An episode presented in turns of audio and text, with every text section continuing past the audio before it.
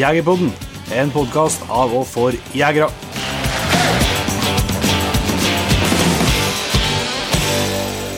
Hjertelig velkommen til en ny episode av Jegerpodden. Jeg heter Jon Petter Melgen. Og jeg heter Jon Ingevik. I dag, Jon Inge, så har vi en ja, Jeg må få lov til å si at dette er en skikkelig godbit av en episode. Ja, glimrende, rett og slett. Ja, jeg synes det, Vi har prata med en eh, kar som heter for Gjermund Røsholt, som jeg tror kan være et kjent navn for en del av dere som hører på, i hvert fall. Han eh, har jo eh, har gjort mye interessante og spennende ekspedisjoner tidligere, og mm, vært særs ivrig jeger. Og de siste var det seks årene eh, så har han vel bodd i, i Canada og, og drevet som, eh, som guide og, og jeger og fangstmann. Mm. Eh, Så han har eh, mye på hjertet og mye spennende å fortelle om. Så det kan dere eh, glede dere. Det kommer straks. Men i dag har vi jo fått med en annonsør igjen, Inge. så først må vi høre hva de kan fortelle oss. Skogbrukets kursinstitutt, Skogkurs, arbeider med kompetanseheving innen skogbruk, jakt og utmarksnæring. Vi holder kurs over hele landet innenfor jakt, viltforvaltning og foredling av viltkjøtt. På websiden jakt.skogkurs.no finner du kurs som er satt opp. Har du spørsmål om kurs eller ønsker kurs i ditt nærområde, finner du også kontaktinformasjon på disse sidene. Den 25. til 26. mars i år arrangerer vi landets største seminar om hjortevilt, Hjortevilt 2020, på Scandic Hotel i Ringsaker. I disse dager jobbes det iherdig med å finpusse på årets program, men vi kan allerede nå røpe følgende. Jaktjuristen Pål S. Jensen kommer og belyser aktuelle saker. Knut Arne Jems, leder av Norges jeger- og fiskerforbund og Nordisk jegersamvirke, vil snakke om blyets fremtid i jaktammunisjon. Bjørnar Ytrehus, veterinær i Nina, tar for seg siste nytt om CVD og hva som skjer der. Forskeren Vebjørn Wiberg, også fra Nina, informerer om kvotefri jakt på hjortekalv og andre spennende temaer innen hjorteviltforvaltning. Fra svenska Jegerforbundet kommer Karl Johan Bringsberg og prater om villsvinet som ikke bare er en skadegjører, men også et yndet jaktobjekt. Friluftsmannen Martin Blom holder foredrag for oss om opplevelser knyttet til jakt og friluftsliv, både foran og bak kamera. I tillegg er det flere gode foredragsholdere på trappene. Hjortevilt 2020 gir gode muligheter for faglig påfyll, sosialt samvær og nettverksbygging. Mer info finner du på skogkurs.no. Først så tenkte jeg jeg skulle bare skjøte inn, vi har kommet en del, eh, en del spørsmål eh, hvorfor ikke kom en episode forrige uke. Eh, Og det kanskje ikke har vært helt eh, tydelig nok på det, men det gjorde det. Det kom episode forrige uke, men den var delt eksklusivt med, med patriens. Så det kommer du å gjøre framover med ja, én episode i starten og i måneden, og så videre to episoder litt lenger utpå vinteren, våren her. Så, så hvis du har lyst til å ja, ha tilgang til alle episodene fortsatt, og støtte jobben vi gjør, og litt eh, rabatt i nettbutikk og sjanse til å vinne drivjakt i Polen og masse spennende, så kan du nå bli P3-en. Det finner du info om på, på jegerpodden.no, men det kom altså episode. Så, så vet dere i hvert fall det. Mm. Eh, Men noe annet det kommer litt eh, spørsmål om, og som vi har litt spørsmål om, det er at det eh, begynner å bli del planlagt liveopptredener fremover. Ja, det gjør det. Det er jo allerede et som kommer nå i, nå i februar. Det er jo faktisk på sk skuddårsdagen 29. februar. Da er det ute i Steinsdalen i- på Fosen. Eh, Det er jo en ja, høydere av en kveld. Først eh, ser jeg det er lagt opp til et, eh, en meget hyggelig middag. Eh, Ikke akkurat gryterett, det var jo et rene festmåltid, og så blir det Jegerpodden live. Men en lokal, uh, lokal herremann fra Steinsdalen der. Og så eh, blir det jegerfest etterpå med ja, du, Nå håper jeg du husker navnet på bandet? Knall, knall Ivars. Det kan jeg ikke glemme. det kan ikke glemmes. Og der ligger eh, Billettene ligger ute der på Hupla. Yes. Så det går an å sjekke ut. Uh, håper at uh, er du i nærheten at du tar turen. Uh, og så skal vi nedover til Flå uh, på jakt- og fiskesenteret 13. til 14. mars. da er rovvilthundseminar. Um, det er jo mye hundfolk som hører på Jegerpodden, så det tror jeg kan være interessant å få med seg hele, hele seminaret. Det er um, veldig mye flinke foredragsholdere, og det blir tema om alt dette. ja, all mulig slags uh, hundejakt med, på rovvilt. Uh, blant annet så kan du få høre uh, vår alles uh, Jon Ingevik snakke om jervejakt. Et av høydepunktene som jeg gleder meg veldig til, selvsagt. men, det, men det er en del spennende utover det òg. Også på kvelden eller fredagen den 13. Så det er fredag den 13., det har jeg ikke tenkt på før nå. så, så blir det liveinnspilling på Jakt- og fiskesenteret der har vi en uh, artig plan, uh, så det tror jeg kan bli en, uh, en, bra, en, bra, kveld. Og det er noe pub og, og middag og sånt der. Så det finner dere info om billetter og sånt på Jakt- og fiskesenteret sine, sine, nettsider. Så er du i nærheten av Flå i den tida der, eller har lyst til å ta turen, så, så finner du info om det der. Mm. Jeg tror det er jo en hel samling av tidligere gjester i Jegerpoden som skal dit. Uh, ubekreftet rykte, i hvert fall så nå Rasmus Bostrøm og Martin Brenne og Kim Jønsson. I hvert fall det jeg har hørt til nå. Hos, uh, ja, og sånn uh, Lurås, selvsagt. Mm. Så uh, det er mye kjentfolk. Mm. Yes. Jeg var på et sånt rovvilthundseminar på Flå der for ja, du oh, gud, det må være tre-fire år siden. Mm -hmm. og det, det var, da var det i juni, ja. Men det, det anbefales absolutt, ja. Mm. Også, ja, så ta sjekk ut det. Sjekk ut det. Og så skal vi jo videre på Lillestrøm, da. Eh, Camp Innmark. Det var, mm. det ble jo en eh, Det var jo første liveinnspillinga live vi, hadde, vi hadde der i fjor. og Vi har lyst til å gjenta suksessen der. Med større lokale og bedre lokale. Eh, der ligger billettene ut allerede. Mm. Det må jeg faktisk si at Der begynner å bli solgt såpass mange billetter at uh, selv om vi har større lokale, så kan det være lurt å være kjapt ut hvis du tenker å ta turen til, til Camp Villmark. Det vil jeg nå anbefale, sammen om du har tenkt på liveshow eller ikke. Ta turen dit, for det er noe masse greier eh, å både se på og få med seg, få med seg på den helga. Vi skal jo komme nærmere tilbake til hva som eh, foregår på Camp Villmark. Men, men du har lyst til å være med på liveshowet, Uh, og det har du egentlig, uh, så finner du billettene på, uh, på Hupla eller på nettsidene våre eller på arrangement på Facebook. Mm. Så det må du sjekke ut. Et lite stalltips der, som jeg hørte flere, flere nevnte i fjor, som, som, hadde planlagt å ha bare én dag på Camp Villmark. Så anbefales ikke For det var det, det, det er for, for, stort og for mye, for mye utstyr og tafs på og for mye, for mye boder å besøke til at, til at man klarer det på bare én dag. Eh, så kan du jo få bli med på festen på lørdagskvelden, så det er jo selvsagt må du må slå til på det. Um, så det var nå dagens uh, uh, reklame for, uh, for liveshow. Um, vi har jo vært så heldige å fått jakta litt, jakta litt igjen Inge, og gaupejakta har starta. Det det har ikke blitt så, så mye gaupejakting, eh, men det har i hvert fall blitt mye skitkasting. Om ikke annet. Jeg eh, føler ikke at vi har kasta så mye, men uh, det har vært en ny, ny, runde sånn som i fjor, egentlig, rundt uh, gaupejakta. Uh, bilder som vi delte på Facebook, uh, som ja, enkelte så seg i snitt til til å kommentere.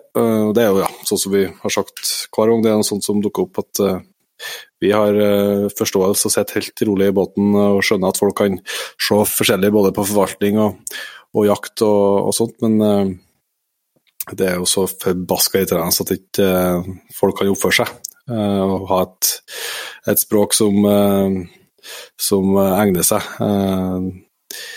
Det er ja, det har vært mange, mange drøye ganger her òg, selv om ikke trøkket kanskje har vært like stort som sist. Og ikke minst for min egen del, i hvert fall, så føler jeg at jeg har vært litt mer rutinert i år, så har jeg ikke sittet og lest alt. Jeg har bare uh, prøvd å oversette så, så, så, godt som det går. Så, så det har nå egentlig gått, uh, gått likere i fjor, syns jeg. Men det er merkelig, altså, hva, hva, folk kan få seg til å få seg til å skrive, rett og slett.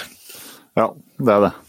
Um, ja, i, li- i likhet med deg så har ikke jeg har bevisst eh, utestengt det helt. Jeg har ikke, nei, jeg kikka på en kommentar heller, eh, annet enn det som, eh, som eh, har vistes når jeg har scrolla. Jeg har ikke gått inn på noen ting, for jeg, jeg vet sjøl hvor eh, Ja, hvor man blir jo provosert på, på et eller annet vis. Eller om man ikke svarer, så blir man jo provosert og leser. lese. og når man da står midt oppi gaupejakta sjøl, så, så vil man rett og slett ikke ha fokus på det der. Så um, Nei.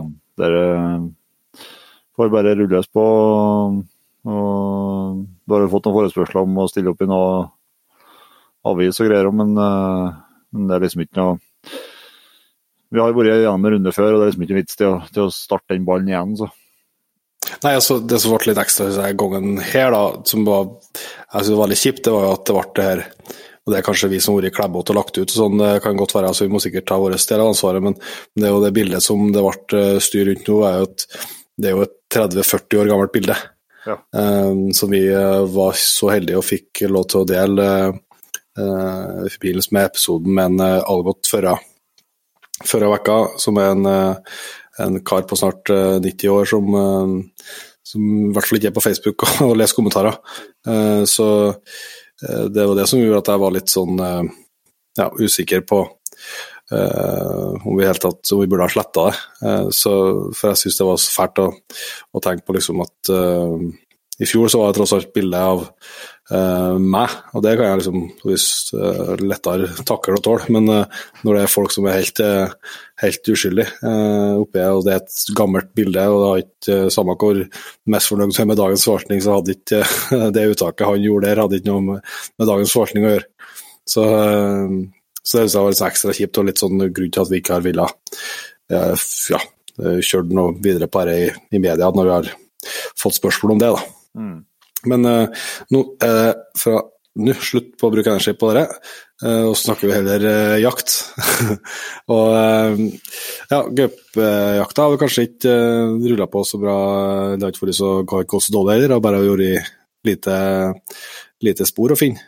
Eh, men eh, på lørdag så fikk vi jo eh, lov til å være med på ei veldig spennende jakt, Inge. Søndag. Søndag, ja. Riktig. Nei, det har ikke vært noe mye, mye, mye fart på gaupejakta. Det, det detter jo gaupe rundt oss her, men eh, vi har nå jaggu stått på og lett spor, men eh, hun er nå ikke her. Så da, da er det liksom ikke noe Da er det ikke noe å satse på det, da. Men og da blir det jo sånn da han leter flere dager, og så blir man litt irritert på at man ikke finner noe jakt på, og så utvider man eh, søket litt. og og tar skiene fatt og, og bestiger, noe- bestiger noen åser og forskjellig som man ikke uh, bruker energi på det daglig. Så kom vi over uh, jervspor, og det var jo jerv igjen på kvota. Og, og de gikk jo rett ned mot et område som, eh, som vi er godt kjent i. Eh, der, eh, ja, der jeg har et jervåte der òg, de har ikke vært bortatt der. Men ja, den siste jerven vi tok, den, den har vunnet der. Så vi er godt kjent der. Det var to jerver som sprang dit. Og vi fikk forholdsvis kjapt ring på området og, og konstaterte at én jerv har gått ut igjen, og at det var én igjen i, i ringen.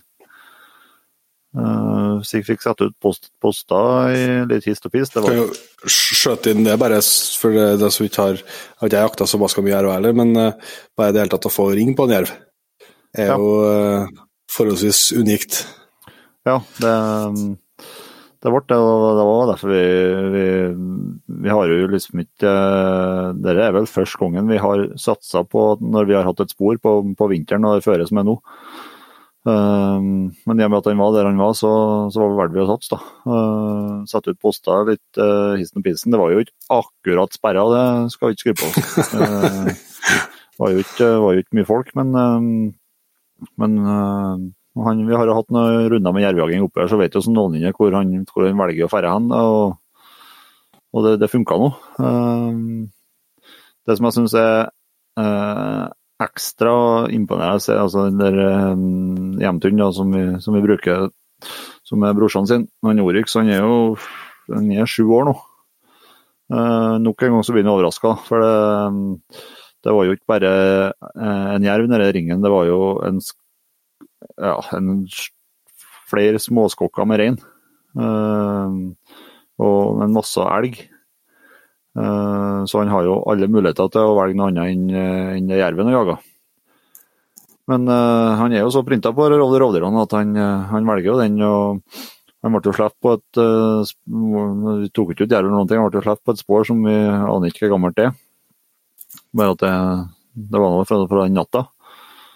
Uh, han ble sluppet på for det var så bratt og ulendt nede at uh, brorsan hadde ikke muligheten til å, til å, henge på med ski. Så slapp han, og ja, det gikk jo ikke mange, mange minuttene, så ble det en fartsøkning på hund, og han tok ut, men han 35 kilo jevnthund versus 9 kilo jerv, det på snøføre det er jo, I snø?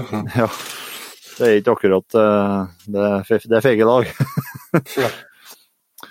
så det det bare seg til, og så han bare lå jo bak og spåra i, spåra i et bedagelig tempo. Men uh, det er jo nok til at vi vet hvor han drar hen. Han snudde vel på påstrekka ja, to-tre to, ganger. Han snudde mm. på forskjellige posttrekk. Han var egentlig på tur, på tur imot alle, eller var jo så hvis ja. tenker jeg, kanskje tre posttrekker, så han var på tur imot alle ja. i perioder. Mm. Først nedover, og så den borti dalen der. Mm. Det, jeg tror alle, alle har spenning i løpet av rundene der. og Så var verden jo til slutt å, å uh, ferde samme, samme, leia som den som har gått ut i ringen. Uh, den som har gått ut i ringen på morgenen. Da. Han valgte å ta samme, samme leia som den uh, som noenlunde. Og, og kom på, kom på en, Alvar Hansen, som vi har omtalt tidligere, som er, som en god, god kompis fra fra Valfjorden, så han gjorde ikke noe feil, han med rifla. Så den datt i smell, den. Bruker ikke han bruker ikke det, han? Bruker ikke det.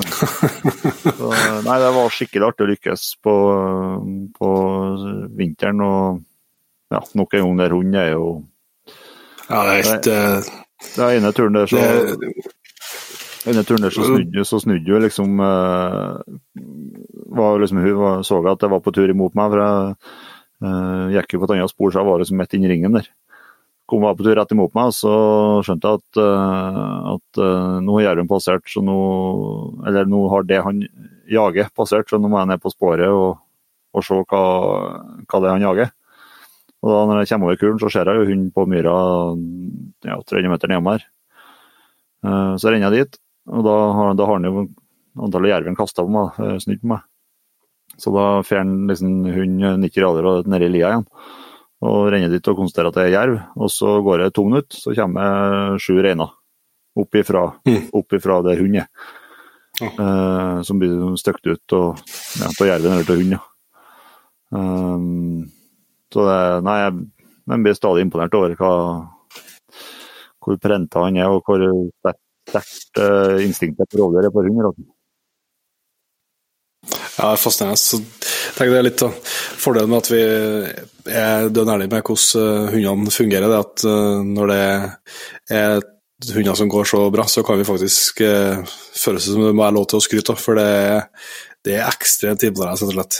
Det er den, ja, den jaktlysten og den viljen til å Det var utrolig at jeg rett og slett tok opp, tok opp jerven på, på overvær, den ikke gikk sporet òg. Ja, ja.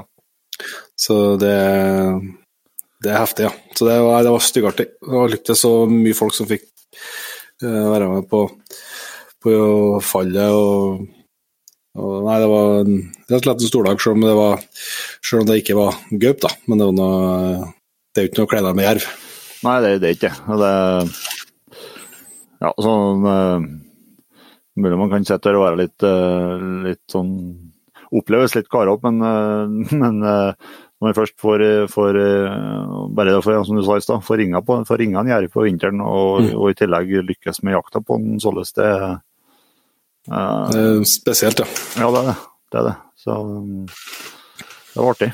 Det var, det, var, mm. det var, en veldig god trøst når man ikke fant gaupe. ja. Nå er jo ikke gaupejakta over ennå, så jeg har ikke gitt opp håpet. Neida. Men eh, jeg vet at praten med Gjermund den er lang og god, så jeg tror vi bare setter over dit. Det gjør vi. Da har vi gleden av å ønske Gjermund Røsholt hjertelig velkommen til Jegerpodden. Hjertelig takk. Og eh, gratulerer med å være den eh, som vi har hatt lengst avstand eh, til på gjestsida. Det, det var ja, 5800 og noen kilometer fra Verdalen til Whitehorse i, i Canada. Ja, det er jo beite, det. det er en jævla tur. Fra Grøndalen så er det sikkert 7000-8000. ja, helt sikkert.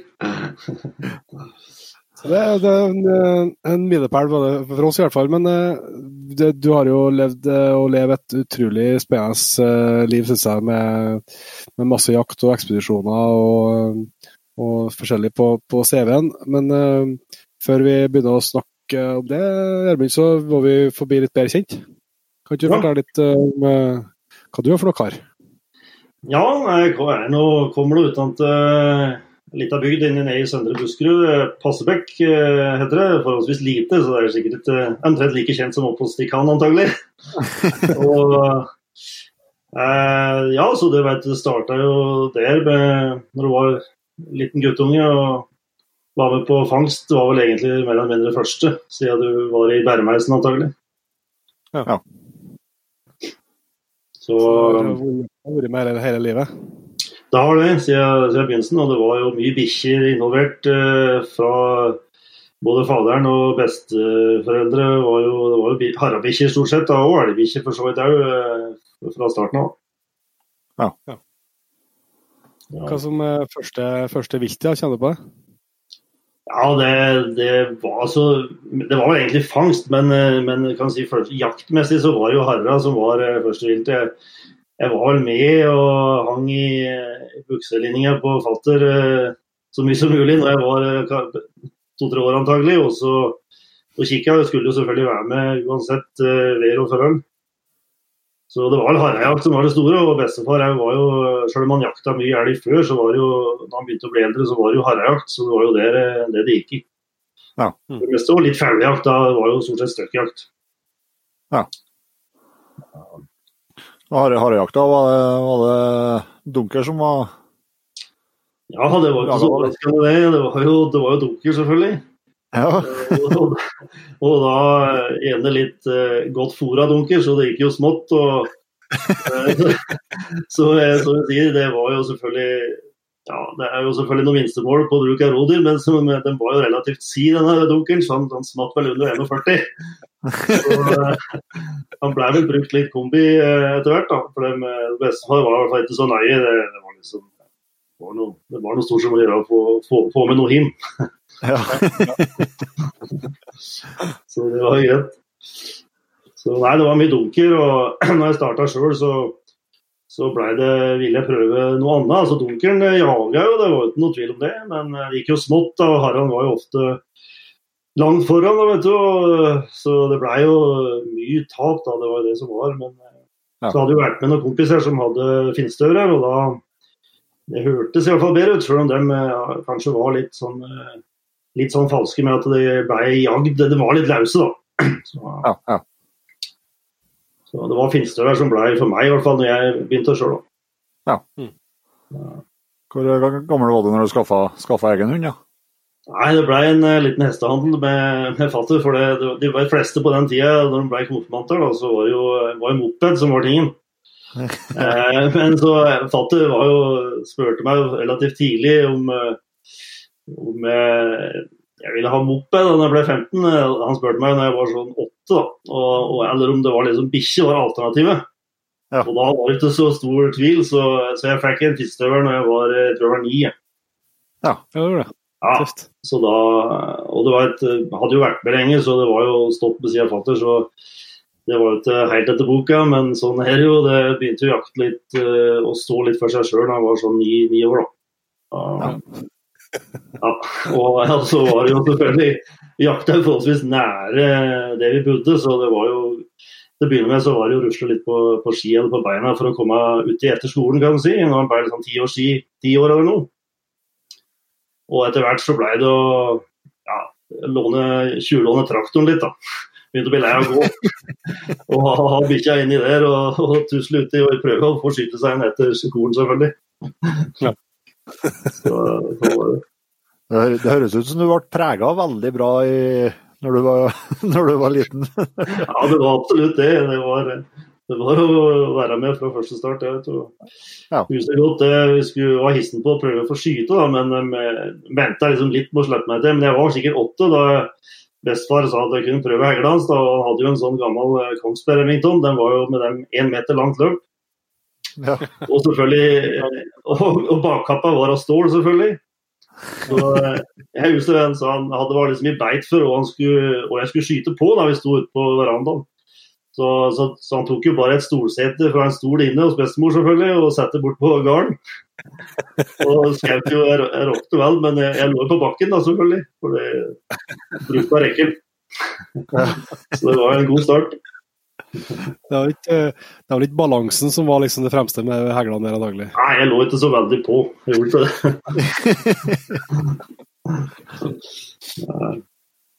Men eh, videre utover eh, og lenger ut, da, før du begynte å, å, å se ut av landet, hva er det fuglejakt og elgjakt og sånt, eller? Ja, det var stort sett, Jeg var med på elgjakt litt. Han fatt jakte elg. eh, Han og onkelen min her var jo veldig ivrig, så vi var jo med. og Det var jo gråbikkjer som var, eh, var tingen. Vi hadde ikke det sjøl, men bestefar hadde tidligere gråbikkjer. Men uh, altså var det onkelen min, da, han hadde gråbikkjer.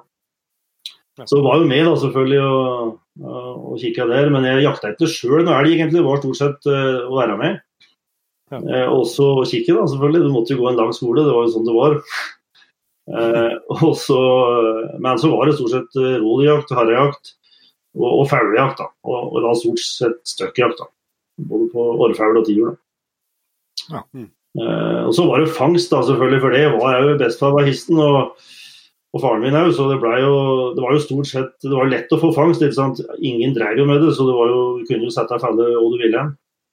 Ja. Og det var jo mye kassefeller, mål, målfangst da, og noe revabåser. Og litt mink og litt sånne ting. Og bestefar brukte å bygge mye sånne eh, altså sånne reva, nei, sånne målfeller sjøl, kan du si, av gamle stokkfeller. Ja. Så vi drev mye med det. og og så var det stort sett å gå på ski, da, siden du ikke kan bruke noen andre ting. Så det ble å gå på ski og sjekke feller. da. Ja. Så ja, så jeg være med han og Flå. Eh, Han, han leverte jo en del til skinnaksjoner, Det var på Kongsberg i hvert fall tidlig. Og, og da jeg husker Det var liksom kaldt i låven, så det var stort sett å stå og Flå inne litt på kjøkkenet. og Det var jo bestemor ikke spesielt hissen på, for det var jo mye sand og mye dritt. Men uh, det var sånn det var. Så du fikk uh, så god noe tidlig Eh, Men eh, det, det, å bygge stokkfeller, det, det er noe litt artig, artig å høre om. Det, det er ikke noe mange som driver med, driver med det lenger. Nei, eh, jeg tror jeg kanskje i Norge er det sikkert eh, fortsatt eh, Du kan fortsatt gjøre det, for det er jo noe som spesielt krav til sertifisering. Så det var jo å bygge sånne stokkefeller med mye vekt på, det, ikke sant. Med, brukte ofte stein eller noe. Og det var ofte det at vi hadde måler som ikke kassefellene, og som, som ikke som ikke, men som kom seg ut igjen da, av en eller annen grunn. Og, og da ble de såpass skremt at det var vanskelig å ha med å gjøre. Og da setter vi opp, eh, ofte opp disse stokkfellene, og da, da gikk det så veldig bra. Ja. Så, ja. De er mindre, mindre skeptiske på Var litt mindre skeptiske, eh, helt klart. Så, ja. ja, det, det er den eh, Det er jo fått eh, en gang demonstrert eh, en, eh, en eh, gammel kar som drev og som satte sånne feller, men det, det var det er noe mer som utløsermekanismen som er litt sånn spesiell, altså få til det. At den, eh, at den er lett nok. Ja, ikke sant. Den gildrepinnen, og den Ja, du må lage den litt fin, da, så den er eh, ganske lett, ja. Ja, Det er helt klart, skal det fungere. Og også liksom dybde òg, da. Inn til, til åte, liksom, så, du, så du får slaget der det skal, skal være. da. Ja, ja. Så, ja, det er litt erbe, men når du først får rigga den til, så, så er det jo greit. Det eneste problemet med dem er jo når det er mye snø, da, så har hun på bakken, og det gjorde du òg med kassefeller, da, som sto Bestefar hadde betrua på at den skulle sitte langt nede, da, for det liksom eh, Vitringa var bedre nede. da. Ja. Eh, Men problemet ble jo at du måtte jo sjekke mye, da, for det ble jo snøen kom, og da ble de dekket til og sånn. Og så hang målen lågt, og så musa gnagde på den og sånn. Så når jeg begynte sjøl, så ble det jo å henge det høyere, da, helt klart. Ja, ja. Mm. Ja. Ja, Det er interessant. Og så hva som, eh, hvis vi tar litt uh, videre på, på reisa her, da. Uh, du, du gikk da, Har du noe skolegang og sånt, eller er det, gikk du liksom rett bare hvor i skogen hele tida? Ja, altså skolemessig så det ble jo ikke på skauskolen på, på Sagrena, Kongsberg, da før han gikk inn på gymnas. Liksom, for da fikk han vært ute i skauen jeg tror vi var ute to dager i uka. og hogd tømmer og, og forskjellig. Ja. Og prøvde litt maskiner og så begynte litt der. Og hadde noen vage planer om å gå på, på noen utmarkslinjer, men eh, det, det endte opp med skaubruk. Bestefar han drev jo i skauen han var vel der i 55 år eller noe for, for Fritzøe, da, skogen. Ja. Og Nei, også etter det så blei det gå videre inn på høgskolen på, på Brandbu, da. På skaubrukslinja der. Mm -hmm. Og universitetet. Og så ja, så da blei det å drive litt i skauen, sier jeg. Så jeg hogg en del tømmer og sammen, litt aleine og noen og en kompis. Så det ble en del tømmerhogst. Lite penger og mye slit, men jeg hadde det artig, da. Ja. Og god, god trening. Og god trening. Så, og da ble det jo litt jakting sånn inniblant, selvfølgelig. Det er ganske mye, da. Og på skolegang òg, så spesielt på gymnas, så var det nok eh, ja, måtte være en del skippertak for eksamen der, for det var en del jakting. Jeg hadde en kompis som så når vi sto på bussholdeplassen så noen ganger, så det var for fint vær til å dra på skolen, rett og slett. Så det ble å dra opp i. Da har vi ikke å dra opp i. Jeg tror det, det er forholdsvis kjent problemstilling for både meg og deg, og Inge, tror jeg. Ganske kjent. ja. Så blir vi jo aldri helt, eh, helt eh, dus med nye folk, vi, eh, Gjermund, før vi vet hva de jakter med, altså våpen og optikk. Det er jo nysgjerrig på. Ja, ja det, det, er klart. Nei, det, det, jeg, til å begynne med så var jeg egentlig ikke så du vet, Når jeg var ung, så var jeg ikke så nære på det. Det bare small, og det skulle helst være grovt. og Selvfølgelig hengel og sånn. Det var jo grøvere var bedre. og, men det, det, var jo Jeg fikk vel en Baikal når jeg var ni år gammel. Mm. Jeg husker godt jeg var med og pelle den ut. Den eh, var kosta ikke spesielt mye, det gjør den ikke i dag heller. men og den har jeg fortsatt. Og den Baikalen jeg, jeg ikke, passer selvfølgelig ikke, men hvis du bare sikter en litt annen plass enn det Harran er, så går det stort sett. så, så den har jeg liksom vent meg til. Da, og Han gikk jo, var rette stokker. ikke sant? Og, men det fordelen med den fungerer uansett og kaldt er og, og mye, mye bøss du har inn. Ja, ja. Så det var Baikan. Og så på reflefronten så var jeg kanskje jeg husker ikke, men det var kanskje 14-15 da jeg fikk en, eh, en uh, Heim, da. En uh, SR20 N. Og det var i 308, da. Det var det som var tingen. og det var relativt billig ammunisjon, og du fikk trena mye. og, ja, det var like lite våpen likevel den tida, så jeg tror nok eh, det, det var nok en del gravrust. og Det var ikke helt optimalt, men etter hvert så skifta jeg ut eh, løpet på den da, og fikk et 6,5-pipe på den, eh, den heimen. Mm -hmm. og, men jeg husker første kikkers, Jeg skjøt mye åpne sikter til å begynne med, og det, det fungerte jo helt utrolig, det da, egentlig, når jeg tenker på det nå i etterkant. Men eh, altså ble første kikkersikte, jeg husker jeg og kompis kjøpte en det var nesten sånn topack, to føler jeg for antagelig noen få hundrelapper. Eh, men det var mer sånn at du måtte stille på selve kurset, ikke på, på justeringstårnet. Det var liksom bare å dunke litt på kikkerten, så flytta kurset seg. Eh, så jeg ble ikke så ultrapresis, men eh, råkte jo en gang iblant. Så, så, nei, etter hvert så kjøpte jeg meg en Size, da så ble jeg en 2,5 til 10 50. Og den har jeg fortsatt på den i dag. Ettermontert noe uh, tårn på både høgda og på, på vind. Mm. Ja. og der jeg, Så det, det, det, fungerer bra. Den bruker jeg litt hvor de kan den òg. Men etter hvert så klart jeg være jeg litt mer interessert i disse forskjellige tinga. Så jeg hadde prøvd noen pumpehegler på høyresida, men jeg ble ikke noe særlig fornøyd med pumper, egentlig. Jeg syns ikke det fungerte så bra. Så, så nå har jeg en Benelli halvautomat. -hmm. som er ålreit. Men uh, spørs hva du skal drive med. for Er det for kaldt, sånn som i Canada, så blir det mm, ofte litt problem. Det går for tregt, rett og slett, mekanismen. Ja. Så, så, nå senere tid så har jeg kjøpt meg en Harald Blazer F16 uh, Game. Mm. Og den er jeg gjerne fornøyd med. Fungerer veldig bra, og den ligger veldig bra. da. Jeg har ikke behøvd å gjøre noe spesielt med den. Og på Sier meg refleks- ja, ikke sant. Så det har vært litt utvikling. Jeg bor meg fortsatt etter det, men eh, Så eh, så har jeg kjøpt meg, kjøpte en blazer etter hvert. eh, Jeg kikka litt på systemet, for det siden det ble litt eh, endringer på regler i Norge og sånn, så eh, begynte jeg å kikke litt på det. og Jeg kikka lenge på Mauser, men det, det endte med blazer, og angrer ikke på det. Eh, Så jeg kjøpte en R8 direkte og satt og grubla litt på kalibervalg, og da ble det 7 mm Remington. Magnum. Ja. Som jeg er egentlig er veldig fornøyd med. Og, ja, og på den så sitter det nå en, en size V8, da. Eh, Det er en 2,8 til 20 ganger 56. Eh, og ja, veldig, veldig bra fornøyd. Det, det blir kanskje eneste med det oppsettet er at det er litt tungt, kanskje. Ja. Sånn, eh, I hvert fall i kanadisk sammenheng, hvor du må gå eh, lenge og langt. Mm. Så, Ja. så er nok det, men uh, veldig solid. Og jeg var litt skeptisk òg på når du får liksom 40 kuldegrader og, og over tid da, på lange turer, kan du si, kanskje i flere uker, hvordan det skulle fungere. Men jeg har egentlig ikke hatt noe problem med det. Det har fungert uh, veldig bra. Ja. Eh, et par småting liksom, med, med, som jeg har hatt med blazeren, men eh, på noen magasininsert og sånne småting. Men i hovedsak mekanismen fungerte eh, smertefritt når du først ble vant til rettrekkeren. Ja, det er jo litt uvant i starten, ja. Ja, jeg er uvant, du må være litt røff og sånn, så Men jeg liker den godt, og du kan liksom eh, bytte komponenter. Så selvfølgelig, du kommer inn i blazerverden, så det blir jo ikke billig av den grunn. For det, det blir jo noen piper og litt småting. Så, så nå eh, siste jeg kjøpte meg en 300, 300 Nordmann Magnum-piper, så jeg har en eh, som jeg sitter i en GRS-stokk, da. GRS Var, uh, Varg. Ja.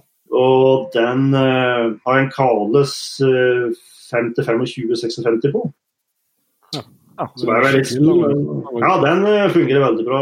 Så mer på elgjakta så har jeg Sånn som jeg jakta hjemme, så har jeg eh, Nitre, Nitre 260-pipe eh, med lyddemper. En Atec lyddemper på. Og den sitter en Swarovski 1-8 på, da. Z8. Mm. Ja. Som Jeg har liksom testa litt, sett litt på forslagene på Size og Swarovski, men det er jo, begge er jo veldig, veldig bra. Så det har har ikke noe å utsette på det. Så Jeg Jeg virker si det, det, det var en strøken våpengarderobe. ja, du likte den, jo! Ja. det var bra, så det er så godt å kjenne når re- researchen stemmer. Ja, ikke sant. ja, ja.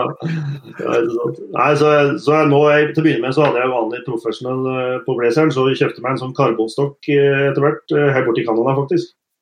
Ja. Eh, så den er i den suksessstokken, og den er jeg veldig fornøyd med. Den, eh, den liker jeg godt.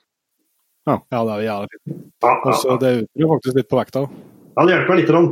Det begynner ikke noe lettvekst, lett, lettvekter for de, men det begynner å- Nei, det, det gjør litt det. Ja, men uh, jeg bærer noen Jeg syns egentlig fordelene med at du har litt vekt, det blir bedre å skyte med. da. Så Ja. Mm.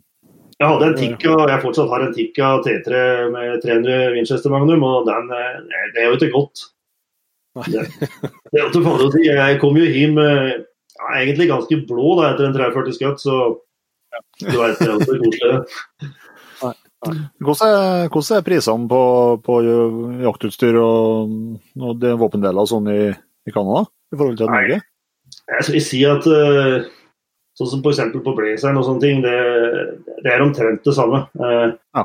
Og optikksmessig er det vel billigere i Norge, vil jeg si. Eh, Nå ser det. Ja, fordi at eh, Prisene er nok altså, Problemet her borte er at de vet ikke hva rabatt er for noe. Så, så, så du vet, Hjemme så får du jo stort sett prosenter, men her eh, gjør du ikke det, så da blir det billigere i Norge. Altså. Ja. Eh, Men på blazeren og på våpendeler så er det nok stort sett eh, det samme på, på sånne europeiske våpen. Det er klart Amerikanske så er det jo en del, eh, en del billigere. da. Og på, på Ja. jakt, klær og sånn på den sida, så er det nok ganske mye billigere her borte. Ja. Og selv på, det, det rare er at selv på både norske produkt som norrøna og ja, fjellreven, og dem er jo billigere her enn de er hjemme. Ja. Så ja, det er det. Ja, litt, eh, føler at eh, du kan jo uh, ta litt uh, for her, det, det var et veldig godt innspill, da, Inge, for der er masse spørsmål. vet du. For å se om jeg kan gjøre noe godkjøp. Jeg vet ikke om jeg, jeg, vet ikke om jeg angrer, angrer meg kanskje nå. Det. Men eh, før vi før vi går inn på det, så har vi jo fått eh, blitt godt eh, kjent nå, Gjermund, eh, og litt om eh, bakgrunnen din, men eh, så det er jo som sagt, du sitter jo i Canada nå. Eh, og du har bodd der i hva, seks år, du sa? Ja, seks år nå. Ja. Men eh, du, det, du har jo vært i Canada i god tid før du, du har drevet litt sånn ekspedisjonsliv en periode? Ja, og det var litt av det som gjorde at eh, ja, jeg ble huka litt på dette i første omgang. Jeg hadde jo selvfølgelig en del kompiser som hadde, som hadde vært bordover og gjort noen kanoekspedisjoner og litt sånne ting. og Det, det, det kribla litt for å få til noe sånt. og Det var vel i 2000, tror jeg, som vi var fem eh, stykker som dro bordover. Mhm. og, og gjorde en, en, sånn trevekerstur, eh, liten kanoekspedisjon her borte. og ja, det var jo Det sto til forventningene, for å si det sånn. Og jeg hadde blitt, eh, blitt advart da, om at hvis du begynte med dette, så, så, så kom du til å komme tilbake igjen. Og det, det stemte jo ganske bra. Jeg kjente at det kom hjem at dette, dette gikk jo ikke. Vi måtte jo prøve noe mer av dette. Så, så jeg bestemte meg vel for å Jeg snakka med, med broren min da, og sa at vi må gjøre noe som er litt lenger. Liksom Tre-fire uker, det, det monerte. Så vi bestemte oss for å gjøre en litt lengre ekspedisjon. Da, så vi var vel eh, brukte vel et par år på, på planlegging. Og så dro vi over dammen litt sånn halvforberedt, vil jeg si. da. Vi kunne nok ha vært bedre forberedt, men sånn var det. Og så Vi var borte her i halvannet år, da. Og så ja. Så Altså, på forskjellige, på forskjellige plasser, dere, eller? ja, vi var på forskjellige plasser, men i hovedsak vi, vi tilbrakte vel eh, 13 måneder ute i bushen i Nordvestterritoriet. Mhm. Eh, og da drev eh, fangstlivet som vi hadde fått eh, leie i fangst, eh, fangstebrodet av en, eh, av en eh, indianer. da. Ja. Og eh, var i ei hytte, altså hytte var vel overdrivet, men eh, vi det var noe, hadde nå vært ei hytte en gang, og vi fiksa nå litt opp. og det var jo jordgulver, vet du, og selvfølgelig vårflommen kom tidlig, og du satt eh, med vann høyt opp på Langdalene på morgenen, men eh, det var liksom å få au, ausa etter hytta. Eh, men eh, nei, vi trives jo. Vi var, målet var jo liksom å være inne ute av særlig mye mat. altså Vi hadde med oss litt forsyninger for de første tre-fire ukene. Eh, og, og litt som backup. Og, men eh, det gikk egentlig over all forventning. Fiske var jo helt Altså, Du hadde hørt og lest Ingstad og jeg følte at de hadde sikkert lagt på en god del da, på disse historiene sine. Men, eh, men det, det, det var en eggehytte. Fisket var helt ekstremt. Ja. Eh, Det, og det var alt fra canadareie, gjedde selvfølgelig, og, og ishavsrøye. Og, og så var det noe som heter inconnu, eh, som er en slags lakseart som går opp for å gyte på høsten. og Vanvittig store fisker. Eh, Den største vi tok var vel opp i 21,5 kilo, tror jeg. Så, så det, det var noe skikkelig flak, eh, så det sto til forventningene. Så det var ganske lett å skaffe seg mat. da. Og så drev vi fangst da, selvfølgelig, og, og snarefangst og, og jakt på, på, på, på småvilt. da. Ja. Ja, og så Etter å ha vært i bushen, da, og det, det, det 13 månedene gikk egentlig relativt fort, eh, må jeg si. Det var så mye oppdaga. og vi, vi var, lå ute på fangstlinja stort sett kanskje 14 dager før vi var inne, innom hytta igjen. og, og Da tok livet litt med ro der. Du hadde jo ikke noe klokke å forholde deg til, så det var jo å ta det rolig. Og så var du ute på fangstlinja igjen. da. Ja. Eh, når vi var ferdig der ute, så det var jo interessant eh, nok for så vidt. For da vi skulle bli henta ut igjen, vi hadde jo liksom hatt eh, booka et fly til å hente oss ut etter eh, 13 måneder. og ja, satt jo, var jo tålmodig blitt, selvfølgelig, og satt jo og venta. Men når det var på tre, tre ukers overtid, etter datoen vi skulle bli henta, så begynte det å bli litt unåm. Så ja, det er klart, så satt jo inni der. Det var jo en, eh, ja, en 150 mil ut til noe som helst eh, av folk. Så, så vi hadde en satellittelefon som vi kjøpte brukt av VG faktisk i den tida, men det var jo en av den typen som var mer i koffertstørrelse. Og ikke virka egentlig så langt nord, men eh, Og ikke hadde vi jo noe å lade med i utgangspunkt. Solceller var liksom ikke noe stas på vinterstider. Eh, Så det blei jo Vi fant et gammelt aggregat, så vi fikk eh, Vi hadde litt bensin, så vi klarte å få lada. Og jeg husker vi begynte å ringe litt mer sånn ringte til en kompis da, som hadde flyselskap, men han hadde jo gått konkurs i mellomtida og ikke mer, eller mindre glemt oss òg, da. Så Men eh, han sa at det, det skulle ordne seg.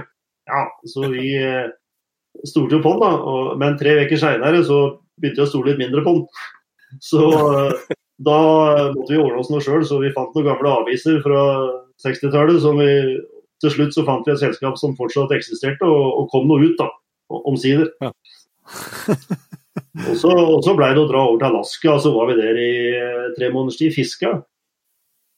Og da det var rein fiske, da. Eh, laksefiske for det meste, så det Ja. Og litt ødrekking, selvfølgelig. Uh. Etter å ha vært ute i bushen i tørkeperiode i lange tider, så var jo det ålreit. Uh, ja. Og så var vi tilbake igjen i Canada og gjorde oss en Vi syntes ikke det var nok liksom, til å dra hjem riktig enda, så vi var tilbake i Canada og gjorde en palleekspedisjon. Og da brukte vi en halvannen måneds tid eller noe sånt på, på den. da. Mm -hmm. ja. Da. var det greit å komme hjem igjen en liten tur. Og, men, men, det var jo relativt stusslig å sette seg inn på på kontoret etter hvert. Jeg fikk jo en jobb da jeg hadde jo sagt opp jobben før jeg dro, men når jeg kom hjem, så var det jo inn på Fikk jo en jobb, da, dessverre. Å komme seg inn på kontor. Og de første, jeg tror første måneden nesten, så jeg satt og kikka mye ut i småkrata, jeg må si det. Ja. Det var stusslig. Ja. ja. Men det, er jo helt, eh, det høres jo helt, helt fantastisk ut, rett og slett. Ja, det var en kjempeopplevelse som eh, jeg ikke ville vært foruten, for å si det sånn. Og, ja. Eh, og etter det så det jo, var jeg over noen flere turer med noen andre kompiser. og Det var vel 2000 og, ja, var kanskje seks. Vi, vi kryssa vel var på ei elv som heter Back River, og vi kryssa Nunavut med, med, en kompis. og Der var vi ute i to og en halv måned eller noe. og ja, Fiske der og, og, selvfølgelig jakt på gås og ender og sånn var jo helt upåklagelig. Helt vanvittig, og lite folk, da. Ja. Så, ja, helt vanvittig elv og kjempeopplevelser. Så, så allerede etter den første lange ekspedisjonen så bestemte jeg meg for å søke om eh, sånn resident card, altså oppholdstillatelse i Canada. Så jeg, jeg brukte litt tid på å få sammen en søknad, og sendte en søknad. og Håpa på det beste, men det tok jo lang tid før jeg hørte noe. Så det tok faktisk seks år før jeg fikk et svar. Mm. Ja. Men uh, det var, altså, bare tilbake til det var helt uh, Det må være så rart å sitte her og så vente på et uh, fly og ha så lite muligheter til å, til ja. å få komme altså, Det er ikke bare, det er ikke bare sånn her farsken, da går vi, da. Det er jo ikke bare det når det er 150 mil. Eh. Nei, nei, går var for så vidt ikke noe spesielt alternativ, men uh, vi, vi, var med sida i elv, så i et kniptak så måtte vi jo vente på våren. da. Vi, dette var jo kanskje i mai eller et eller annet, april-mai, men eh, det, vi måtte jo ha venta på våren, da, som var uh, ute i midt-juni eller noe. Så, eller kanskje måtte litt lenger ut igjen for å ikke komme på flom, og så padle ut til, til Nordishavet. da. Og, og, komme seg til noen noe folk, det hadde jo latt seg gjøre. Altså, vi hadde jo kommet ut, men eh, for det så var det jo Ja, det var jo var ikke helt optimalt. Men, men, sånn er det. liksom... sånn, når, dere, når dere lå ut på, på fangstlinjene, uh, hadde dere liksom så lange liner at dere Så gikk 14 dager mellom at dere var tilbake på hytta? Ja, men, eh, og, det, og, da brukte vi ikke hele fangstlinja. For det, dem, dem, brukte jo scooter ikke sant, opprinnelig. og på, den, på slutten, da, han som vi legde, han hadde vært der i, drivet i 40 år. Det er klart Å begynne med så var det bikkjespann, men eh, etter hvert så var det jo scooteren som tok over. og da, Det var jo ikke sånn kjempevilthet, men det er klart, så, så, de hadde lange lange fangstlinjer. og så Vi brukte egentlig ikke hele heller, og vi lå ute 14 dager. Men vi gikk jo stort sett på ski med pulk, ikke sant? så det gikk jo litt ja. uh, småere. Bodde dere i telt, da, eller? Ja, vi, vi, begynte med lavvo, som vi hadde selvfølgelig testa litt timer før vi dro. Men det viste seg at vi hadde veldig kaldt. altså Det, det varmeste vi hadde var vel 30 tenker jeg, på vinteren, så det var stort sett fra der til 55. Ja. Og, og det, det, det, en lavvo med, med sånn nylonstoff, når du først får begynt å revne litt på det, så alt var bare en haug med nylon, for å si det sånn, så det var ikke brukelig. Så vi, vi endte opp i bomullstelter og sitta med en liten om, og ja, så det var det vi dro på. Ja. Mm. Så det var jo intimt, det selvfølgelig. men, eh, nei, men det, det, gikk utrolig bra, og ja, det gjorde det også. Ja, men du sa det var ut år 2000, det er 20 år siden. Ja. Eller så har, det, har ting endra seg eh, når det liksom er eller fortsatt mulig å, å, gjøre det samme som dere gjorde på vis i 2020? Jeg tror jo det, det, det er jo fortsatt mulig, men det, det, det krever bare mye planlegging. Og så, altså det er jo folk som gjør det i dag, så det, er fullt mulig å gjøre det. Men eh, det krever bra planlegging, og prisene har nok endra seg en god del, sånn som jeg ser det. Blitt en god, mye dyrere egentlig nå i dag. da Mindre, mindre konkurranse blant uh, flyselskapene og dyrere å fly. da. Så det krever litt med, bedre økonomi enn det gjorde den gangen. Ja. Så ja, det er klart. Men det er fortsatt mulig, selvfølgelig. Hvis du bare forbereder deg og setter deg godt inn i reglement og alt som skal til, da, og får de nødvendige tillatelser og, og, sånne ting, så, så, er det fullt mulig, ja. Ja, Mm. ja det vil jeg si.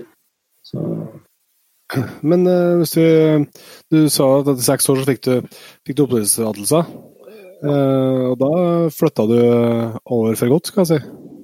Ja, da, altså, det var litt vanskelig avgjørelse å ta egentlig, selv om jeg selvfølgelig ønska dette. Så jeg, jeg, hadde en kompis som hadde vært i en lignende situasjon. Da, så prata en god del med han. og eh, Han endte jo opp med å være hjemme i Norge. Men eh, ja, så jeg, som jeg først hadde muligheten, så, for det var liksom Bor du i Norge, hvor du var kjent med og, det, det, og, og tar turer til Canada, liksom?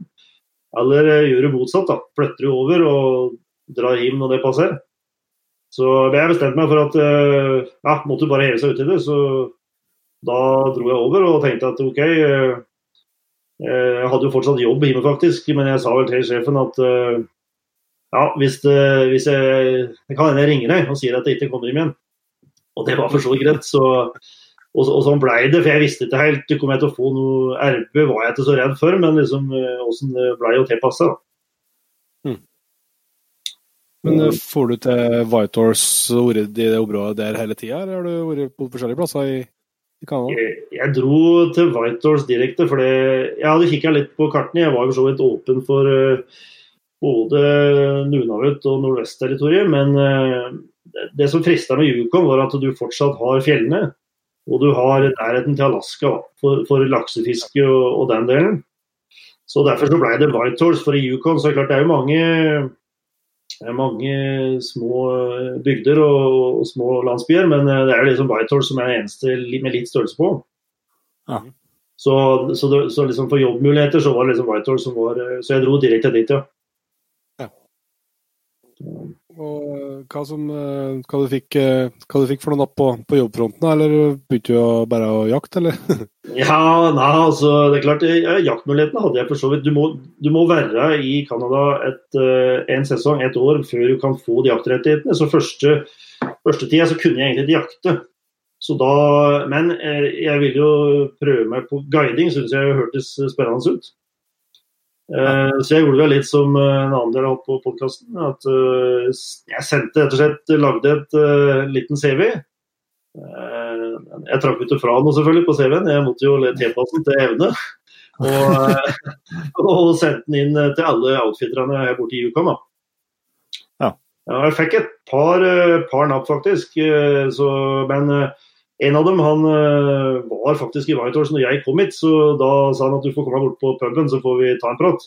Ja, så jeg gjorde nå det. og Han uh, var liksom for Macmillan uh, River Adventures, og det var en av de, en av de største som er mest kjent da, her borte i Yukon. og ja, Han sa at ja, intervjua meg litt om bakgrunnen, og jeg sa det sånn noenlunde som det var, da.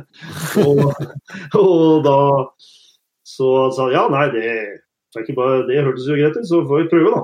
Se om det gikk bra. Så, så jeg dro egentlig mer eller mindre rett i bushen fra jeg kom over hit. For jeg begynte med å Siden jeg var skaubruker, så var jo motorsag var ikke noe problem. Så det begynte med å, å kutte stiger, egentlig, som, for å gjøre det litt mer lettfint for, for, for kunder da, som kom inn for å gå mellom camper. da. Ja. Så jeg kutta vel en ja, en 10 km med, med, stig i, i noe ekstremt tettkratt. Det var det det begynte med på, på, sommeren. Og det var jo artig bare å være ute der. Ble bare sluppet av i et fly. ikke sant? En sånn 100 mil ut i bussen og bare begynte å kappe. Og bare slengte igjen noe mat og skulle bli henta igjen. Det var spennende. Så jeg husker faktisk det den første gangen, for da det endte med at ja, jeg gikk jo tom for mat. Jeg åt vel mer enn en gjennomsnittlig canadier antagelig. Så i hvert fall fysen og gikk tom for mat på et tidspunkt. da, og jeg hadde en kommunikasjon på Inreach, men, så jeg sendte jo en melding og sa at dette begynner jo å bli litt tynt med mat. da. Men da, da var det faktisk fire-fem dager med tettåke, så det var ikke mulig å få flydd heller. Så, så jeg endte opp med å å skyte noe fugl og litt sånn småtteri for å overleve der, så det gikk noe, det gikk noe greit. Men uh, det var spennende. Altså. Ja. Det er fortsatt til den outfiten der du, du er ennå, eller? Ja da, jeg er fortsatt der. Jeg har jo fått eh, andre muligheter selvfølgelig hvis han ville, men eh, jeg synes jo når du blir gitt tillit sånn fra begynnelsen, så, det var, så har jeg vært der. Og det er en kjempeoutfit. Det er kjempebra. Det er en sånn familiebedrift. Eh, så de er jo det, både han og kjerringa og et par unger som er med og hjelper til under hele guidesesongen. Og har jo veldig sånn nært forhold til dem, så det, så det har jeg vært hele tida. Ja. ja.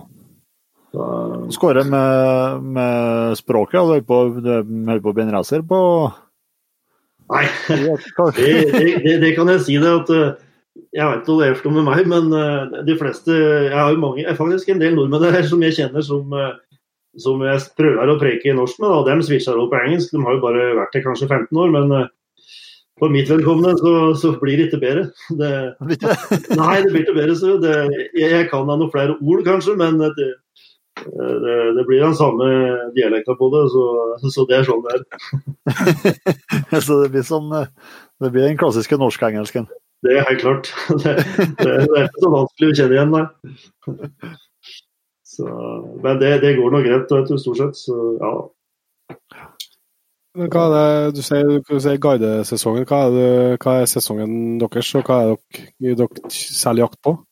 Altså, vi, sånn som Macmillan, de er vel stort sett kjent for Det er jo elgjakta som er det primære. Eh, men vi selger jo kort på, altså vi selger lisenser på, på, på jakt på dollskip, altså sånn fjellsau. Ja. Eh, eller Dollship er liksom den hvite, og så har du Stoneship, som er den grå, gråtypen. Og så er det noen sånne blandinger som vi kaller Fannin-ship. Ja. Uh, men uh, uansett, altså er mer på den Stoneship Fannin som vi har. Og vi har ikke veldig mye sånne høye, høye fjellområder, så vi, vi har kanskje en fem-seks jakter i året på, på, på sau. Og den startet, første, All jakt starter egentlig 1.8, men eh, vi begynner jo med Siden det ikke er brunst på elg, så, er det jo, så venter vi jo med det. Så vi starter med sauejakta. Og da er jo det stort sett foregår til, til hest eh, så langt du kan komme. Og så blir det å, å gå derfra. Da. Å ligge i, i, vanlig telt kan du si der inne og gå derfra. Mm. Uh, og etter det så blir det når vi elgjakta vi drar i gang sånn ja, jeg drar vel inn sånn 10.9, og så kommer vel de første klientene inn sånn 13.9. Ja. Så, og da kjører vi den eh, stort sett eh, det, det, Hver eh, kunde da, de kjører ti dagers jakter. Det, det, varierer litt fra outfit til outfit, men vi kjører ti dager. Og så, og så når han er ferdig, så kommer nestemann inn. da. Så, ja. Ja. Og da er det elg det primære. og så har, men de har jo som regel kort på alt, for kort er ganske billig. altså Lisensene på dyra i seg sjøl. Uh, så, så, det er ikke det som er problemet. Men det er klart, skyter de noe, så må de betale ganske stor ekstra avgift. Så, så som regel så jakter vi elg primært, men det er klart, ser vi ulv, så skyter vi det. Jerv, hvis, hvis de vil det, så gjør vi det. Uh, rein, er lite, altså i området vårt, vi har noen, så ser vi noen som er store nok, så, så gjør vi det. men uh, så er det bjørn, da, som vi stort sett skyter jakta på kan man si, etter vi har skutt elg, så vi har noe som åte. da, For vi har ikke lov å drive, bruke åte i, i Yukon, men uh, det eneste unntaket er når du har skutt i noe som, og du ikke du kan ikke flytte av det, det må ligge der det lå, altså innmat og sånn. Og, og, så kan du jakte på det og bruke det som åte. Ja, sånn, ja. Og det er jo selvfølgelig Det er bare fortsatt, du. Ja, det er jo selvfølgelig lokkejakt. Eh, det er jo det det går i, da. Ja. Eh, jeg vil si det at eh, ja, lokkejakt det, det kommer litt an på hvor Til å begynne med så hadde jeg som guide altså, Jeg begynte faktisk til hest av, av alle ting. Men, men, altså, så vi har noen, vi har en, noen, altså, noen jakter som foregår med hest på elg. Eller så er resten med båt på elver eller vann. da. Ja. Og, og så, så det kommer litt an på hvor du er som guide. Hvis du er i et område hvor du har mye tettskau og du har mye, så du ikke ser så mye, så blir det lokkejakt.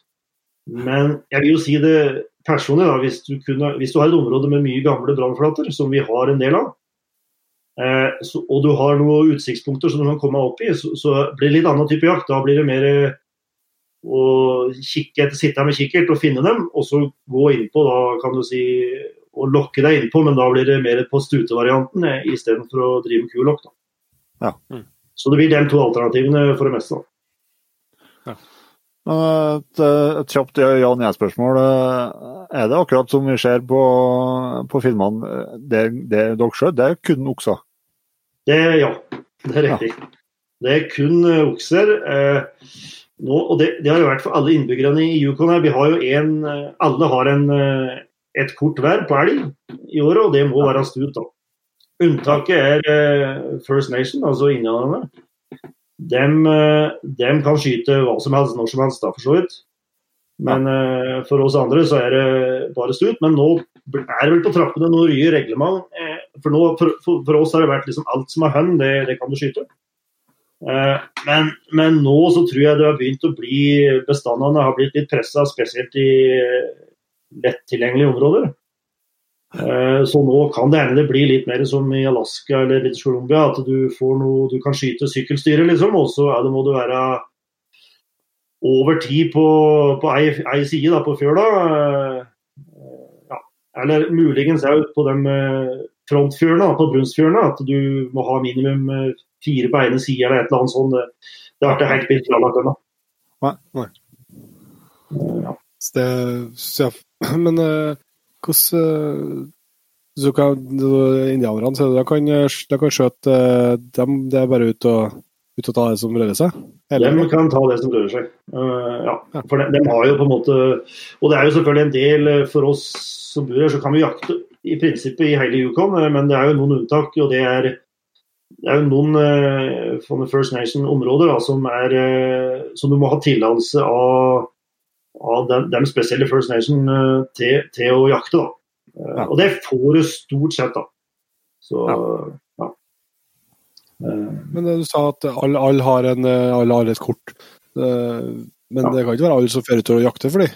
Altså, Nei, det er ikke det. vet du. Vi, vi er vel en jeg vet ikke mange Yukon og ja, noen og 40 000 kanskje, men altså Nei, det er ikke, det er ikke på langt nær alle som jakter, vet du. Sånn som, så det er, det er noen tusen kanskje, men så det blir jo ikke skyte totalt. Jeg så sånn som på statistikken i fjor på elg, da så var det vel rundt 600 i Yukon. Og det er jo da inklusiv outfittere og vanlig resident.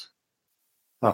Så, så det er jo veldig lite, og det er vel derfor ja, det er vel derfor de kan drive og skyte bare stut. Da, for det er klart, vanlige folk da, som ikke driver med outfitting, det, det, de, de tar jo, det blir jo matjakt, ikke sant? så det blir jo skyte og, hva som helst. da. Om det er smått eller stort, har ikke noe å si, men for oss er det jo bare å pelle fra, fra topp. da. Og det er jo i utgangspunktet ikke sånn helt uh, Høres ikke helt bra ut, men eh, Sjøl på outfitternivå så, så blir det det er så store områder. Du bruker så liten prosentandel av arealet, så jeg tror egentlig ikke det er noe, noe problem uten at jeg er noe viltforvalter. Men altså det, jeg, jeg, jeg tror det er så smått uttak at det er det som berger det. Men det er klart, sånn som eh, innbyggertallet øker jo øker jo i Yukon òg, så det er klart på et tidspunkt, så hvis alle har én stut de kan skyte hver, så på et tidspunkt så må du gjøre noe med det. Ja, ja. Vil jeg tro, da. er det bare, er det bare outfitterne som har lov til å selge kortet videre, eller kan jeg, kan jeg ringe på Kan du gi meg nummeret til naboen? Og så kan jeg ringe på?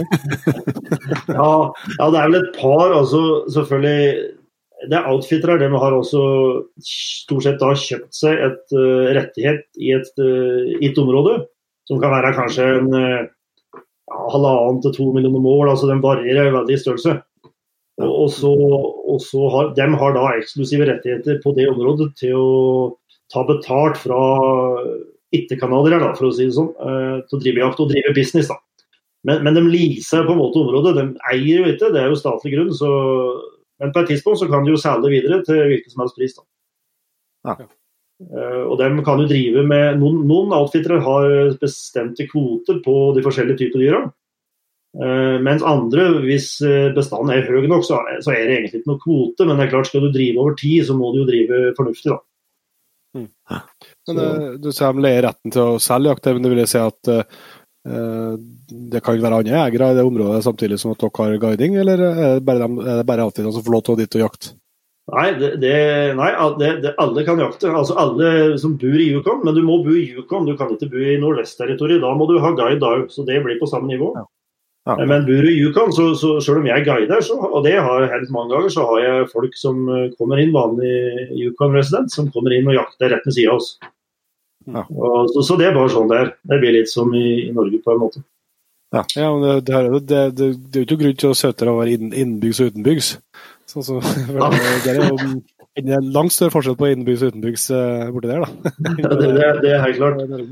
Så det, det er klart, det, det, det, det svir jo litt for noen av disse kundene, da, for det hender jo vi preker litt med disse, disse folka som gjør vanlige jegerne som er rundt der, og, og de har betalt eh, 10 dollar for den elgen, og de andre betaler 25 000 eh, US-dollar.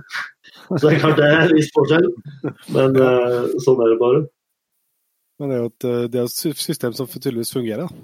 Ja, det, det fungerer jo, det gjør det. og, og det, ja, og det, De fleste outfittere har jo da avtale med, med First Nation, som har, stort sett har en del rettigheter i området. Men stort sett alt, altså det er jo ganske strengt på reglement på guidinga. Så alt kjøtt da, For det første så må, når du, når du skal skjære av kjøtt da, kan du si, og slakte, så må du Alt skal være helt ganske kjemisk rent. Det, det sier vel 5% men som kan være rent, men i prinsippet rent, så får du et oppsyn som kommer inn og sjekker. og det, det trodde jeg ikke de gjorde, men det gjør de faktisk. De kommer inn med helikopter og sjekker. og Da må du vise dem skuttplassen. og Hvis det er eh, for mye kjøtt igjen der, så, så får du faktisk opp i 50 000 dollar i bot. Ja. så, så det er jo ikke så koselig. så du må, Det skal, er veldig nøye. da, og Alt kjøtt må fraktes ut, og hvis det er noe som blir eh, ødelagt, kan du si, for det har hengt for lenge eller noe, så, så blir det bøter. Ja. Så, så det er egentlig eh, bra. Altså. Ja, så alt kommer jo ut, og det går jo stort sett til, til altså I utgangspunktet så er jo elgen eh, kunden som er elgen når han har skutt inn, så han kan jo gjøre hva han vil, men han kan jo for så vidt Men siden vi har stort sett kunder fra USA, så ja, det er klart de, eh, å frakte med seg en elg inn til New York eller noe, det, det er jo ikke optimalt. Så det blir jo ganske dyrt òg. Så, så det, det, alt kjøttet går jo stort sett til lokale folk i, i landsbyen lokalt. da. Ja. Men det er, jo, det er jo bra at de har det de reglene der da, som man liksom får så det ligger krav til at man må utnytte og, og utnytte utnytten som matressurs. Ja, det syns jeg er helt kjempemessig. Det er en eh, kjempebra ja. regel. Også, Samtidig så har de en regel på at uh, du kan ikke sæle kjøtt. Da. Det gjelder oss uh, som bor i Yukon. Du har ikke lov å omsette og sæle kjøtt. Eh, som er egentlig ganske smart, da, for det, hvis ikke så hadde sikkert flere jakta bare for pengenes skyld. Og, Mm. så, og det gjelder samme til restauranter og sånn. Alt kjøtt De selger jo selvfølgelig elgkjøtt og sånn, men det kommer fra helt andre områder enn her. da. Ja. Ja. Så, ja. Så, Det ja. Men eh, Du snakka litt om elgen her nå, så den må vi jo eh, stille mye av spørsmålene som en går og spekulerer på. da. Ja. Eh, det er, hvis vi starter med mat, da, smaker jeg akkurat liggende som Ja. norsk elg. Jeg syns da det. Jeg syns da det. Nå har jeg så lite elg siden jeg var liten guttunge, men jeg, synes, jo, jeg syns han eh, smaker det samme. Sjøl det, så jeg syns jeg foretrekker rein, egentlig, men, eh, Mm. men eh, elgen smaker omtrent likt, ja. Og så lurer jeg litt på dette med, med slaktvektig og sånt. eh, For det er jo noe som eh, vi er opptatt av. er det for tung? Altså. For, altså- det, har du veid noe? Har du peiling på det? Ja, Det eneste jeg veit på VG-fronten, er at når når jeg jakta med hest, da, altså guida med hest, eh, så, så måtte vi, som jeg var forholdsvis uforberedt på, for jeg er ikke noe hestekar egentlig, jeg har jo sett hest, men eh, og og da, Så det er klart, da måtte vi vege, for da sant, De har jo sånne saltasker du skal, skal laste kjøtt i, så da må de jo være sånn noenlunde jevnt fordelt, altså så de ikke blir stigende på ene sida. Ja. Og, så da vegde vi, og da Jeg husker eh, det var den første guidejakta jeg hadde. Da var jo spesielt i seg sjøl, fordi vi, vi eh, Som sagt, han outfitteren sa til meg, han spurte om jeg kjente til noe liksom, hest da, og hestebruk. Jeg sa nei, jeg har ringt på en, men eh, det, det er lenge siden. Og han sa ja, nei, men vi skal jo selvfølgelig gi deg opplæring, det er ikke noe problem. Ja, det er kjempefint. Men selvfølgelig, jeg dukka opp der, og det var altfor seint for noe opplæring. Så vi dro ut. og Jeg fikk sju hester og en hjelpekar fra New Zealand og, sa at du får, og kunden da, og sa at du får og lykke til. da. Ja, det, det var jo Så jeg, jeg fikk huka en hestekar litt og fikk eh, lært meg et par knuter. Men jeg glemte jo relativt fort, for det, det var liksom det å kunne få bindt opp hestene hvis du måtte gå til fots. Så hvis det kom bjørn, så de fikk eh, rive seg løs hvis de virkelig flinka til. da. Ja. Eh, men jeg glemte jo knutene ganske kjapt, så det gikk jo på gamle fiskeknuter. Så den hadde nok ikke kommet noen vei, men eh, det, gikk jo heldigvis bra. Og, og da ble det, Men fordelen med hest var at du kunne jo jakte hvor du ville. da. Det var jo bare å fantasien. Ville du jakte høyt i fjellområdet, ville du gå ned. Og, og elgen brydde seg ikke om hesten heller, så satt du på hest så du kom nære elg. Jeg var inne på 20 meter, og den brydde seg ikke. Nei. Eh, men da som sagt vekte vi jo elg, og da den første elgen som jeg guida på, da, den det var en 64-tommer og stor stut og stor kropp, da, kroppslig, og den det var 350 kilo. Da var det utbeina, da, så det var jo ikke slaktvekt. Så, vi, så, så det, det, kanskje 500, men altså, det, du vet, det, det, det, det er tungt. Ja. Jævla, jævla elg, ja. Ja, og, ja, det var det. og den jakta huset, den blir jo brukt som litt eksempel for nye guider nå. da, Outfitteren pleier å bruke meg der, for det har jo gjort eh, både alt galt og ikke galt som kan gjøre, selvfølgelig. så det, Jeg visste jo ikke reglene, sånn, jeg ble jo ikke sett inn i noen spesielle regler. så Det første som skjedde, var jo at det var en dag vi var ute med hest og satt og lokka. og på, på, avstand så syns det så ut som vi så to tørrgere som stakk opp uh, ute i skauen, liksom opp i lia. Ja, det sto helt stille. og En time seinere, etter å ha kikka på disse tørrgarene, så ledet seg noen tommer. Så så vi at det var to ekstremt store stuter som sto oppi der. Og, og, det var en dag det var vanvittig regnvær og, og tåke. Så men jeg bestemte meg for at vi får gå opp og se om vi får tak i den. Og vi gikk nå opp med han klienten og han jegeren og gikk oppi der. Og da eh, Det var to store, og den største av dem eh, kom vi i nærheten, og du driver jo og grynter litt da, som stut, og, og, vi kom oss uh, inn på under 50 meter. Og han hadde jo, Dette var en reflejeger, men han hadde jo ikke noe deksel på kikkerten, ikke sånn, kikkersikte, så det ble jo døgga mye. da. Ja. Men uh, jeg sa at du får jo skyte, da, han, han sto jo der på 50 meter. og Det brei seg til, og etter hvert så skjøt han jo. Og dette dro jo av gårde litt. Han stoppa riktignok litt, men han fikk jo ikke skyte igjen. da. Og og den gangen så vi drev jo og kikka litt på skuttplass og med noen hvite kluter. og Det er jo ikke så enkelt på barmark. og Fant jo egentlig ikke noe blod, og ikke hår heller, så det var, var det mye å se til det. Og, og der drev vi faktisk i to dager med ettersøk. og og Reglene var vel, som ikke jeg kjente det, var vel liksom litt sånn at hvis, hvis jeg som guide kan se en eller annen skuttreaksjon eller finne blod eller hår som tyder på at han er faktisk treffig, Eh, så er jakta for kunden over, da. Da har du spolert 300 000 sånn kjapt. Ja. Men, men, men, hvis jeg ikke finner noe, så må vi fortsette å jakte, da. Så, og Siden vi da ikke fant noe, så, så fortsetter vi jo. Og, og da fikk vi jo skyte en seinere. Men etter ei uke så, så var det en annen guide faktisk som så en del kurp. og Da, da var han, han, da han gått 1 km, og der, der lå han der. Og den var 70 tommer. Oh, så det var skikkelig stor. Så den høna, en, en, en andre guiden, han tok den høna. Ja. Så, så, det kan skje. Sånn ettersøksmessig så har vi jo egentlig ikke noe sånn Det eneste det står er jo at du skal gjøre så godt du kan, ikke sant. Og det, det gjør du jo, men rert er så barbare på barmark uten bikkje og sånne ting. Nei. Så det er ikke noe mye, det er ikke noe, det er ikke mye krav? Krav Nei. Der? Nei. Det er egentlig ikke det, og det gjelder sånn generelt her. altså På påkjørsler og sånn det det er jo det er jo ikke snakk om at du må ringe og sånne ting, men du, du, du, som regel så blir det varsla hvis det er skader og sånn. Men eh, det blir jo ikke noe sånn eh, kjempeettersøk. For det, som sagt, det står bare at du skal gjøre så godt du kan, og da Det, det gjør det jo. Og siden for oss da når det gjelder guidinga, så er det vi har vel for det meste pil- og buejegere. Eh, ja, fordi vi satser litt sånn eh, Tradisjonelt så var dette guidefirmaet liksom store på bue, og vi har jo siden vi har verdensrekorden på Paul Pignon, altså på, på bue, eh, fortsatt. Eh, den var vel fra ja, Den største, største elgen som har felt med pil og bue? I 2008 eller noe. Den var vel jeg husker til 249 og en åttendels poeng. og den var vel sånn, Jeg husker akkurat vidda på en 4-75 tommer eller noe, men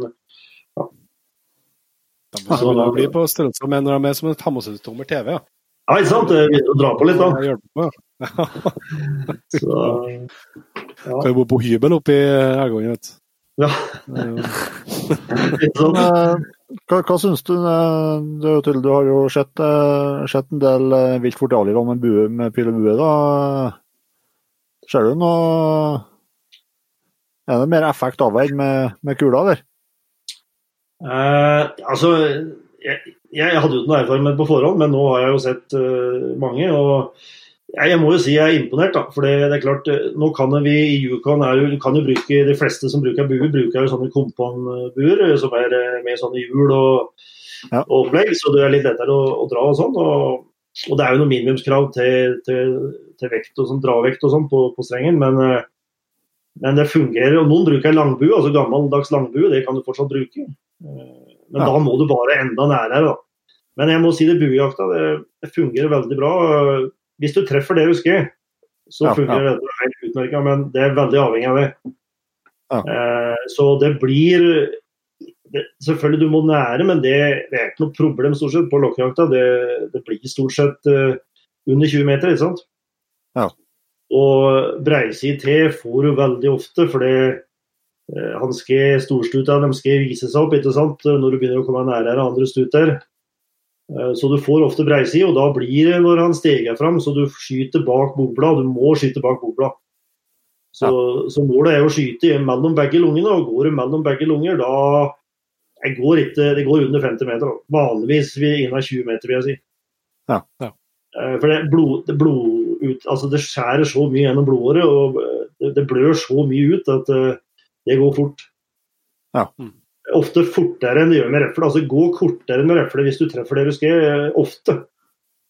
Ja. Eh, Men, eh, men det er klart, treffer du skulderblad, så det har jo skjedd noen ganger. Du, de skyter tvert imellom skulderblad, men, men det, da går det ofte bare gjennom ei lunge. Ja. Og så vinkler det ofte litt, da. Og da Det som skjer, er ofte at Det har skjedd mange ganger. Da, da, da går det og så Du får ofte ikke inn andre skuttet. da, ikke sant? Det er jo fordelen med refle, at du kan ta et kjapt oppfølgingsskutt. Ja. Det blir jo Det er litt mer ball men og bue, ja. er litt mer ball, da. Så da er det ofte litt for seint, eller et eller annet sånt. Men, eh, men eh, Og da går det og, Som regel da blir det å la det ligge, da. Det hender jo at eh, Det hender jeg foreslår at vi rett og slett avliver med refle. Hvis du får en stut som står på 60 meter da, utafor buehull, og du ikke tør å gå nærmere pga. at du kan støkke igjen, så hvis, hvis kundene er OK med det, så kan du gjøre det, men mange av dem er jo veldig sånn bueopphengt. Spesielt hvis du har store stuter som kan være bra trofeer, så er det liksom ikke lovlig buefelt hvis du bruker refla etterpå. ikke sant? Nei, skjønner. Så, og da blir det rett og slett å gå hjem for kvelden og, og la det være til dagen etter. Og, og da, da, da finner du det jo, men stort sett. Og da Det, det, det, blir sånn det blir, for å ikke støkke det. og da men det overraskende er jo, vi er jo veldig opphengt i at du må ta ut ord fort og, for at du ikke skal ødelegge kjøtt og sånn. Ja. Men eh, selv om dette har ligget hele natta og sikkert daua på kvelden og det er helt sti- stift for så vidt, så aldri hatt noe problem med, med, med det, da, med kjøtt og sånn. Nei. Klart det. Men det er klart det har jo blødd ut uh, veldig mye, da. Så, Ja, ja. Um, Ja, og blodpress og sånn, selvsagt, som du ja da. Bare hvis det er Det er klart. Så, men det er klart vi, som jeg sier til med, og det det er klart Nå spesifiserer jeg det ganske mye på, på jeg- jegerne. at eh, det, Du har én sjanse, for det skarskyter du, så, så har du brukt sjansen din. og så du, må, du skal ha breiside, hvis ikke så er det ikke aktuelt. Eh, Det, det har vært et par unntak hvor eh, du må gjøre dette litt annerledes på buegreier. Du, du må ofte stalle dem opp litt. eh, Så når elgen kommer, eh, hvis, han kommer på kulokk f.eks., så kommer den som regel ikke bare sånn cirka det du lokka fra, men han kommer 100 Selv om han kommer fra to kilometer, så veit han akkurat hvor kua sto, eller hvor du sto. Ja. Ja. Og da må du sette han opp litt, det er iallfall det du tror han kommer, og, så de får. Og, Ja. Så, men problemet er ofte at midtene kanskje ikke har sett elg før, og de vet ikke hva forskjell på stor og liten elg, så du må jo på en måte gi dem et klarsignal på at den er stor nok da, etter deres forventninger. Da. Ja, ja. Så, Jeg tenker når du, får en, når du har en sånn gedigen elg på 20 meter, øh, og, de, og du, har, du har litt tid, det er klart det, det, er jo, det er jo en bra vegg å sikte på, skulle du si, det, når du har den liksom på 20 meter. Det, ja, det, det, det skulle ikke være noe problem. Men det er klart. Nei, klart for reflegere så dette er jo ikke noe vanskelig, da. Det er klart, eh, det er jo ikke det. For det kommer nære, og årsaken er jo ofte at det, det er såpass tett vegetasjon Ja. at uh, du, du må rett og slett nære. Det blir nære. ja, ja. Det eneste unntaket er hvis du sitter i båt. da, det er klart du kan jo, Mange guider gjør jo det, bruker båt mye. og det er klart De må jo nødvendigvis ned til landet samtidig å drikke. og, og, de, og de, Når de kommer i høgbrunst, så ser du dem, det er jo ofte et godt tegn da, at de går, går, på, går på strandkanten, kan du si, på, på, på sida av vannkanten. Og, og da går de der og kikker etter kuene og spaserer langs vannkantene. Ja. Og da går de og sikler og koser seg, så da, og da er det ikke vanskelig å få dem til å stoppe. da. Nei, nei. Så, men, og da kan du jo skyte fra båt, da, selvfølgelig, men eh, det, jeg bruker båt veldig lite. da, Stort sett transport til og fra der du sitter og lokker eller eh, sånt. Ja. Eh, ja. Men men jeg har jo sett en sånn uh, filmer på eh, YouTube og sånn med, med ja, buejakt og lokking. og det, det kan jo virkelig komme nært òg. ja, det, det, Jeg, eh, jeg skjønner liksom ikke hvordan de tør å slippe det, den pila. Når det, nei, jeg- det, det. Nei, og det, det, det er det som jeg har vært et par eksempler på. Eh, Selv om jeg har sagt breisi, så har det vært eh, sant? Jeg har som da stått og lokka, og, og så har de stått kan du si, kanskje 20 meter eh, foran meg. da. Og så Selv om de har stått litt sånn side, på sida, så har elgen kommet litt annerledes. Og, og dem, Problemet med jegere da, som har guide, i hvert fall i min erfaring her, dem, hvis de er skikkelig jegere sjøl, så, så, så flytter de seg litt og tilpasser seg. Men, men mange har liksom sånn blod, blodtru på, på guiden, og de flytter seg ikke. Og da, Noen har da fått elgen Når han kommer liksom på under to meter, så har de ikke noe valg. Da har de sluppet pila. Og da, og da går jo Men det er ikke noe bra skutt egentlig sånn inn i, i foran, men de har jo da du må litt sideveis, ikke sant. Men, har, men de har jo stort sett satt pila i, i stikkhullet omtrent, så da har jo blodpumpa Det står jo metervis, så, så det har jo gått stort sett rett ned. Men, eh, og, jeg, og det har vært en to-tre ganger det har skjedd, og de har jo hatt sånn kamera på, på bua, et lite GoPro. Ja. Men det er ingen som har slått det på. Det har vært, hardt hust. Det har, det har vært, det har vært svart. Det, Ja, det ser jo helt uh, rått ut. Det må bare være altså, eh, Jeg har jo ikke noe erfaring med buejakt i det hele tatt, jeg, altså. men eh, det må jo være en stor opplevelse når du liksom eh, ikke det smeller og det er helt altså, Du må jo føle at du har litt kontakt med urmennesker. ja, jeg, jeg tror det sjøl. Jeg, jeg, jeg har tenkt på det, men jeg har ikke drevet med buejakt, jeg heller.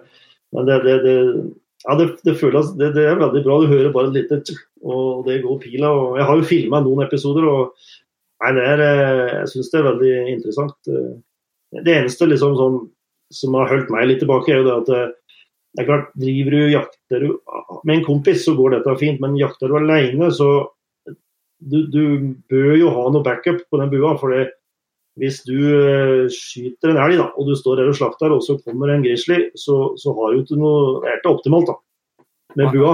Eh, så du, De fleste som jakter alene, da har, må du ha en backup med, med refle eller høgle med slugg eller et eller annet. Ja. Så Det blir liksom litt å dra på, men er du to kompiser, så, så går det jo fint, selvfølgelig. Ja, så er det noe med, sikkert med, med trening. og det, det, er, Sånn som jeg ser det utenfra, så virker det jo som at det skal mer til å mestre det enn riffel. Men det er klart at kanskje med moderne buer og, og så korte hold, så er det kanskje ikke så, så mye mer krevende enn å, enn å bli der. Men uh, med det søren, det virker jo virker vanskeligere, liksom.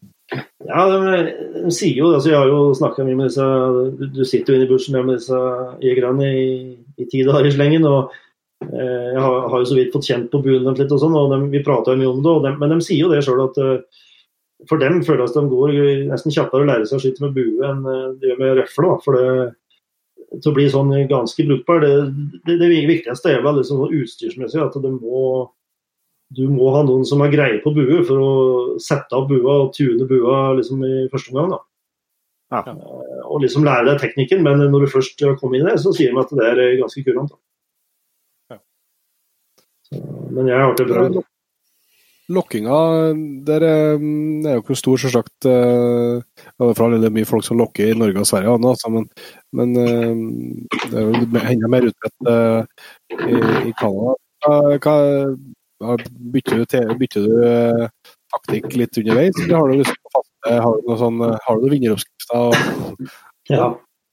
Nei, altså jeg hadde jo ikke lokka sånn litt i Norge, men ikke sånn veldig mye, så. Og Nei, altså jeg, jeg har jo selvfølgelig sett andre guider, og, men jeg, jeg har ikke noe sånn kjempe Jeg, jeg bytta litt på taktikkene, helt klart. Og har litt sånn eh, litt sånn regler på, på, når jeg bruker hva, men eh, ja, det, det, kommer litt an på situasjonene. Som jeg sier, hvis du Noen guider da, som sitter på områder hvor du ser mye i brannflater, så blir det å sitte og speide mye på, på utsiktspunkter. Og hvis du får se, da kan du ofte se kanskje i brunsten, så, som går med en del på å hevde territoriene sine og kikker etter kuer og passer på kuene sine. Og da ser du stutene, også hvis du ser noe som ser brukbart ut, da, størrelsesmessig, på, på avstand. Eh, så, og da, hvis du, Nå snakker jeg da om båtjakter, så du sitter oppå en ku eh, høgde og sitter, sitter kikker. og og så Da har du jo en peiling på, på hvor stuten er hen, og så blir det å ta båt og, og, gå inn. og da Når du går inn på stut, dette er vel egentlig det jeg liker best. så Kanskje det enkleste er, det at uh, hvis du går inn på stut som, uh, som er i brunst, så blir det å gå inn som en stut sjøl. Og, og grynte deg inn. og da Det viktigste er at du har klær som ikke bråker. altså det, det, er vel ull og flis, noe annet er vel ikke brukelig. Uh, for det, det, det, er de litt vare på hvis du begynner med litt sånn type Gore-Tex og sånn. da, Det liker jeg ikke. Men, og da blir det å gå rolig, for du vet en, en, en stud sånn, den er jo, alt går veldig sakte.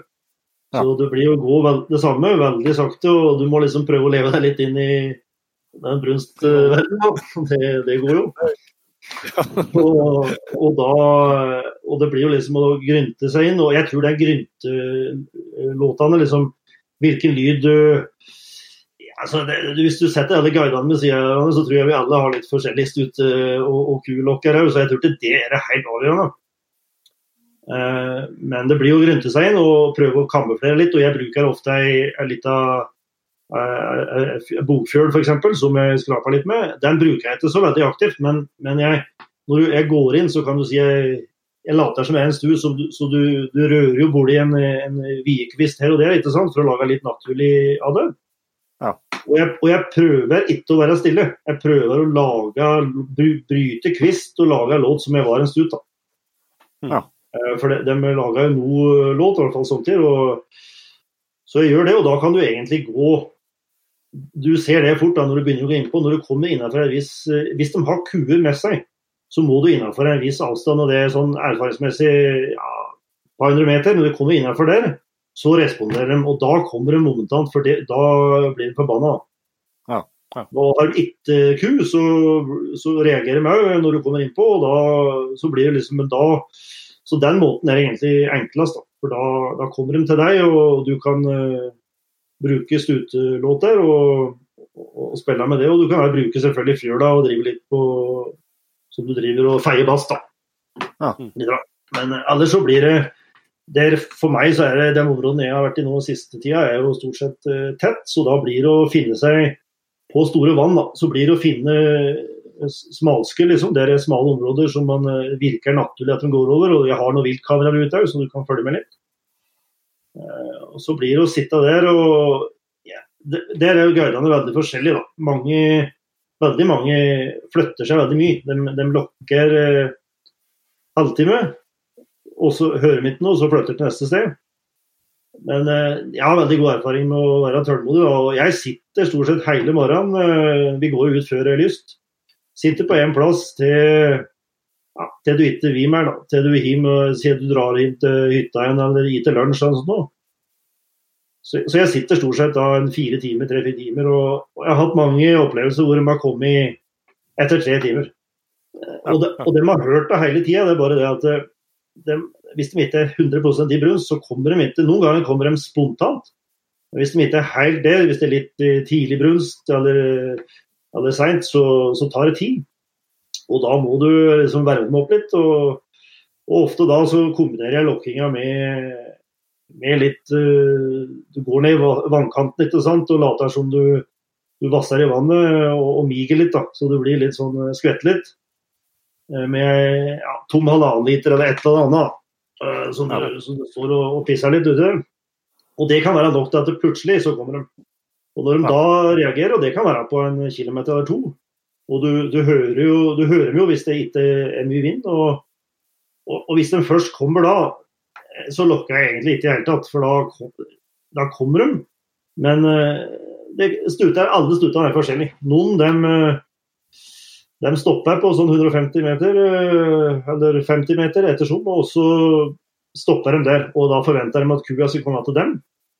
Ja. Og Da må du bare legge opp løpet litt annerledes. Og kanskje, jeg switcher ofte til stut. da, For det å drive med kulokk til de kommer helt inn, det, det er større sjanse for å drite seg ut da, eh, enn at du driver med stutelokkinga. Da, da, da, har du mer å gå på. Mm. Hva skal vi se på uh, Hvordan er vind da? Vind må være helt, uh, Vitringa må være helt avgjørende. Så er det er det, til, det er jo en grunn til å flytte til Canada. Er Det er mer stabil vind. Namdalen har ikke vært 2007 det siste var stabilt. Uh, det høres ikke bra ut. nei, eh, nei, det var vel ikke hovedårsaken jeg flytta. Men, eh, men nei, nei, men vind er som sagt det, det, det, er egentlig Det er bare det det dreier seg om. Det er vind, vind, vind. Mm. Eh, så, så, lenge du har kontroll på vind, men det som eh, ofte skjer, er at eh, du, du, setter deg opp riktig. Derfor så står du ofte på vannkant. Så hvor du plasserer om morgenen eller ettermiddagen, det blir helt avhengig av vind. Så du har jo vind som kaster utover vannflata eller, eller et åpent område.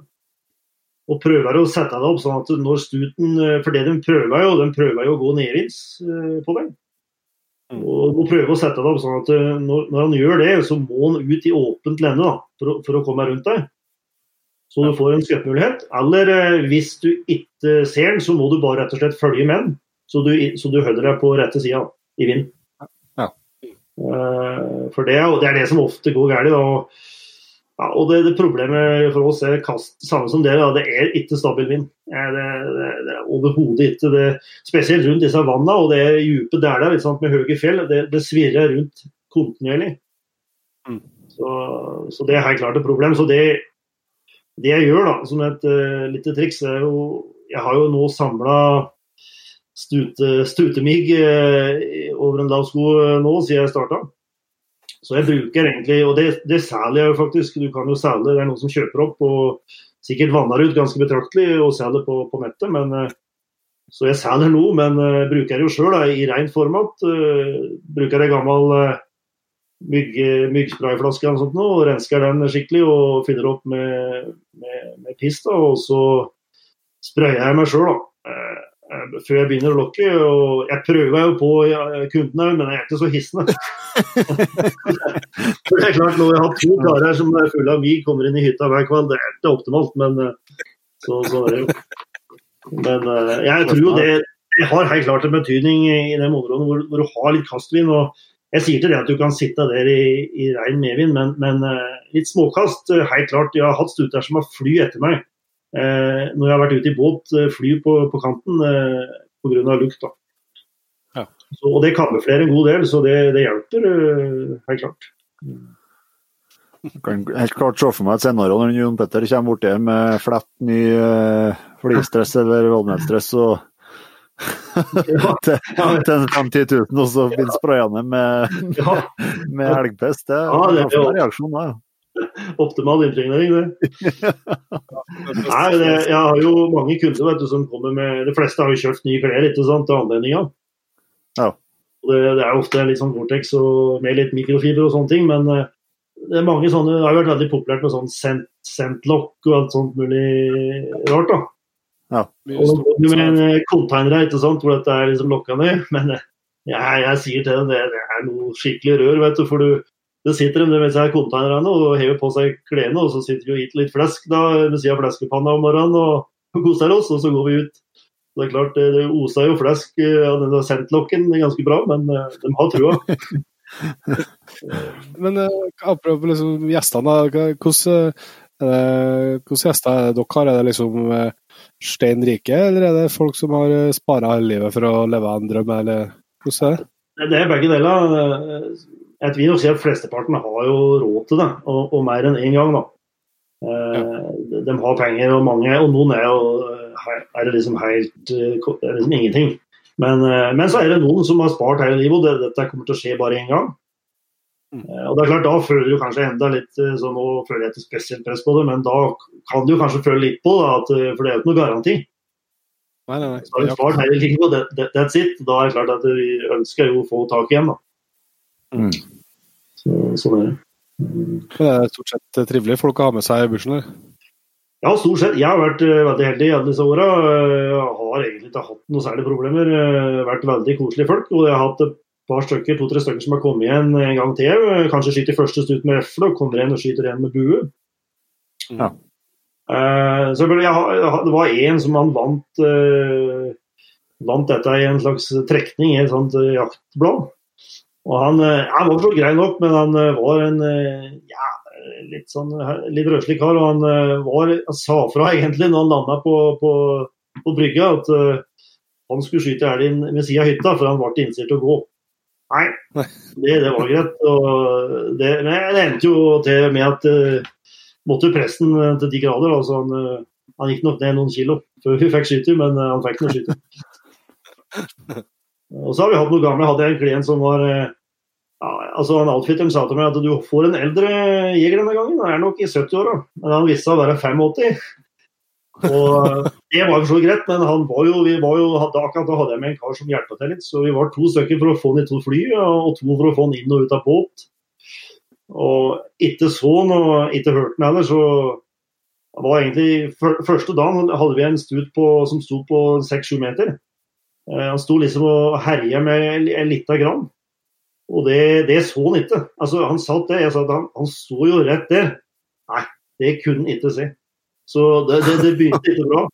Og eh, faktisk andre morgenen så skjedde det akkurat samme.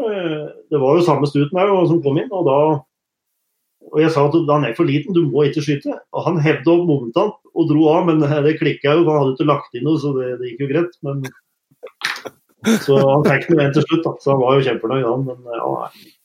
Det har vært.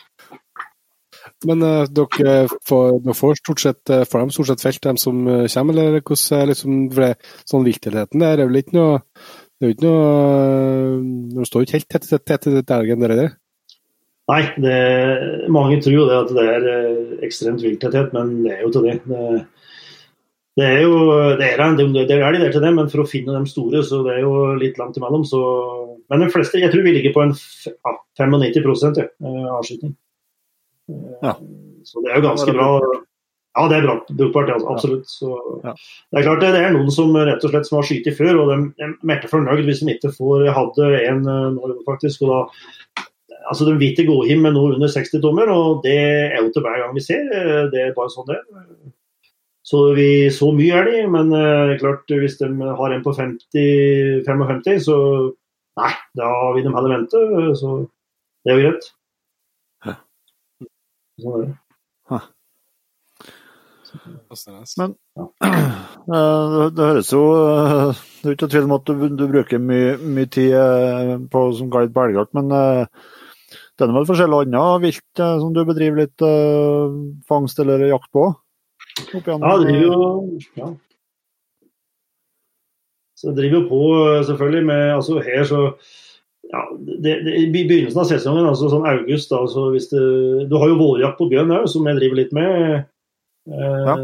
Som starta jo da i midten av april og varer til midten av juni. og det er eh, ja, så Når vi ikke kan bruke bikkje, da, for det, det kan jo egentlig Vi kan bruke bannbikkje, men eh, løsbikkje det, det blir til brukt da. og da Vi har jo veldig mye ulv òg, så det er jo ikke sånn helt optimalt. og Da blir jo stort sett eh, den vårjakta er nok den enkleste for bjørn. Da er det jo mye, når det begynner å bli grønt, liksom, så det er jo snakk om å dra inn i, i områder med mye uh, i sørhellingene, kan du si, hvor det blir tidlig grønt. og og Da kommer de ut der. da. Og, og Det blir jo guida nå. Jeg har ikke guida noe på det, men det er noen guider jo på, på bjørn. Og da blir det kanskje bruk av scooter øh, oppe i fjella i, i mai og sånn tidlig når de kommer ut av hia. da. Ja. Men for oss her så blir det svartbjørn. og Vi kan skyte to svartbjørn her i året, og så kan vi skyte én grizzly hvert tredje år. Ja. Eh, Og du kan i utgangspunktet Det er jo de helst at du skal skyte hannbjørn, men eh, ja, ikke er det sånn 100 lett å se heller hele tida. Men uh, så lenge det er enslig bjørn, da, ikke er med unger, så kan du skyte. og da, Så du kan jo skyte binne for så vidt. Ja. Uh, Men, uh, så det blir en del veijakt, det er jo til fader å si. For det, det er jo store korridorer langs veiene som er grønne og tidlige, og det er, det er mye bjørn. da. Ja, ja. Eh, Og så går det over i, i, i sauejakt eh, fra 1.8, og da er det enten du kan være med på trekninger i, i spesielle områder, som er kanskje litt eh, lettere tilgjengelig, da. men der er det trekning. Ellers har du masse åpne områder, og da Forskjellen fra Norge, da, hvor du har liksom jaktterrenget ditt, og du vet hvor du går, når du kjenner terrenget her. Er det bare å kikke på norgeskartet og finne ut liksom ah, hvor skulle du dra hen? Og da blir det veldig mye sånn eh, Det gjelder å være forberedt og prøve å Det er jo ingen som sier noe. Det blir jo som å eh, ha en, eh, en multemyr du veit om himmelen, ikke sant? Det er ingen som forteller deg det er. Så eh, det blir litt sånn. Ingen forteller deg noe det forteller deg for så vidt, men ikke noe vettugt. Så eh, det blir jo å prøve å finne ut av det sjøl. Så da blir det sauejakt, og det har jeg drevet litt med, og det er jo veldig spennende. Det blir jo veldig mye gåing. Du kan bruke firehjuling eh, hvor som helst, for så vidt, men jeg har ikke noe firehjuling. og Fordelen med ikke ha det, da, da kommer du jo inn i områder hvor det er så mye folk. da. Ja, ja. Men det blir jo mye gåing og mye bæring, da. Så det, det, jeg jakter stort sett alene, så da blir det veldig mye bæring. Men eh, sauejakta blir mye lange høll ofte skytemessig. Så ja, prøver jeg å Hvilke avstander snakker vi om da? Nei, altså ja, Det er klart du kan da komme nære, men altså, hvis du kunne skyte på en eh, 300-400 meter, så har det vært det, det er en fordel. da. For noen Ja. ganger så, så står de sånn til at du, det er vanskelig å komme nær der. da. Eh, Ja. Og så du kan skyte over fra ene sida til andre sida i, i små, trange deler og sånne ting. Ja. Ja. Så, så vi trener litt. Vi har en skytebane her som vi kan skyte ut til 500, så vi trener litt på det. da. Ja. Så det er fordel. Ja. Hvordan er eh, sau- saukjøttet? Det med Eller skal jeg spørre om hvordan melkekjøttet smaker? Samme sma- Smaker sau, eller? Nei, jeg, nei, jeg vil ikke si det smaker sau. Det, sauen nei, det gjør ikke det. altså Det smaker nei, det, vil, det føles jo litt rart, for det kunder som betaler her da, for å, å jakte sau, den betaler kanskje 40 000 amerikanske dollar. Ja. Det føles rart for å jakte en sau, men når du kommer fra Norge, men sånn er det. Det er klart det er jo til tamsau. Men, men eh, den smaker bra. Det er veldig bra kjøtt. Det er. Ja. Så, men du får en sånn der bør på en 40 kilo hvis du skyter en sau. Da, hvis du, skal, du må ha med deg huet, altså hønnet, med, med overkjeve må være med. For de, det må være full eh, krøll da, på den, så den må liksom komme over et visst punkt igjen. Eh, på en linje mellom eh, øyesokkelen og, og neseborene, kan du si. Ja. Mm. Så Derfor så må du ha med skallen hjem igjen, da, pluss skinnet kan du bruke. og Så, så det fort 40 kilo, pluss, pluss det du har med deg fra før. Ja, jeg merker det på ryggen. ja. Ja, da merker jeg det, så jeg har begynt å tenke litt smartere etter hvert og gå to turer, faktisk. det er så vondt, det.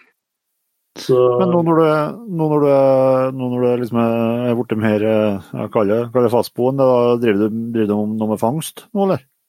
ja, fangst eh, det har jeg drevet med siden begynnelsen. Så for å få drive fangst der, da, så må du ta et fangstkurs her borte, som var eh, som er en eh, ja, det husker til kanskje fem-seks kvelder. og og gjennom en liten eksamen og sånn, og det var egentlig veldig interessant. og Det finnes en sånn liten fangstmanual, eh, noen hundre sider, og ja, litt annerledes enn Norge, da, for å si det sånn, og veldig lærerikt. da. Så Ja. jeg var heldig tidlig. Jeg hadde jo ikke noe fangstområde, for det her er det liksom faste fangstområder eh, som du må omtrent som outfitting. da, Du må liksom enten kjøpe det, eller hvis Ja. det kommer noen, eh, kommer noen ut på markedet fra statens side, så, så må du søke, og da går det på, på erfaring. da. Den som har mest erfaring, eh, får det. da.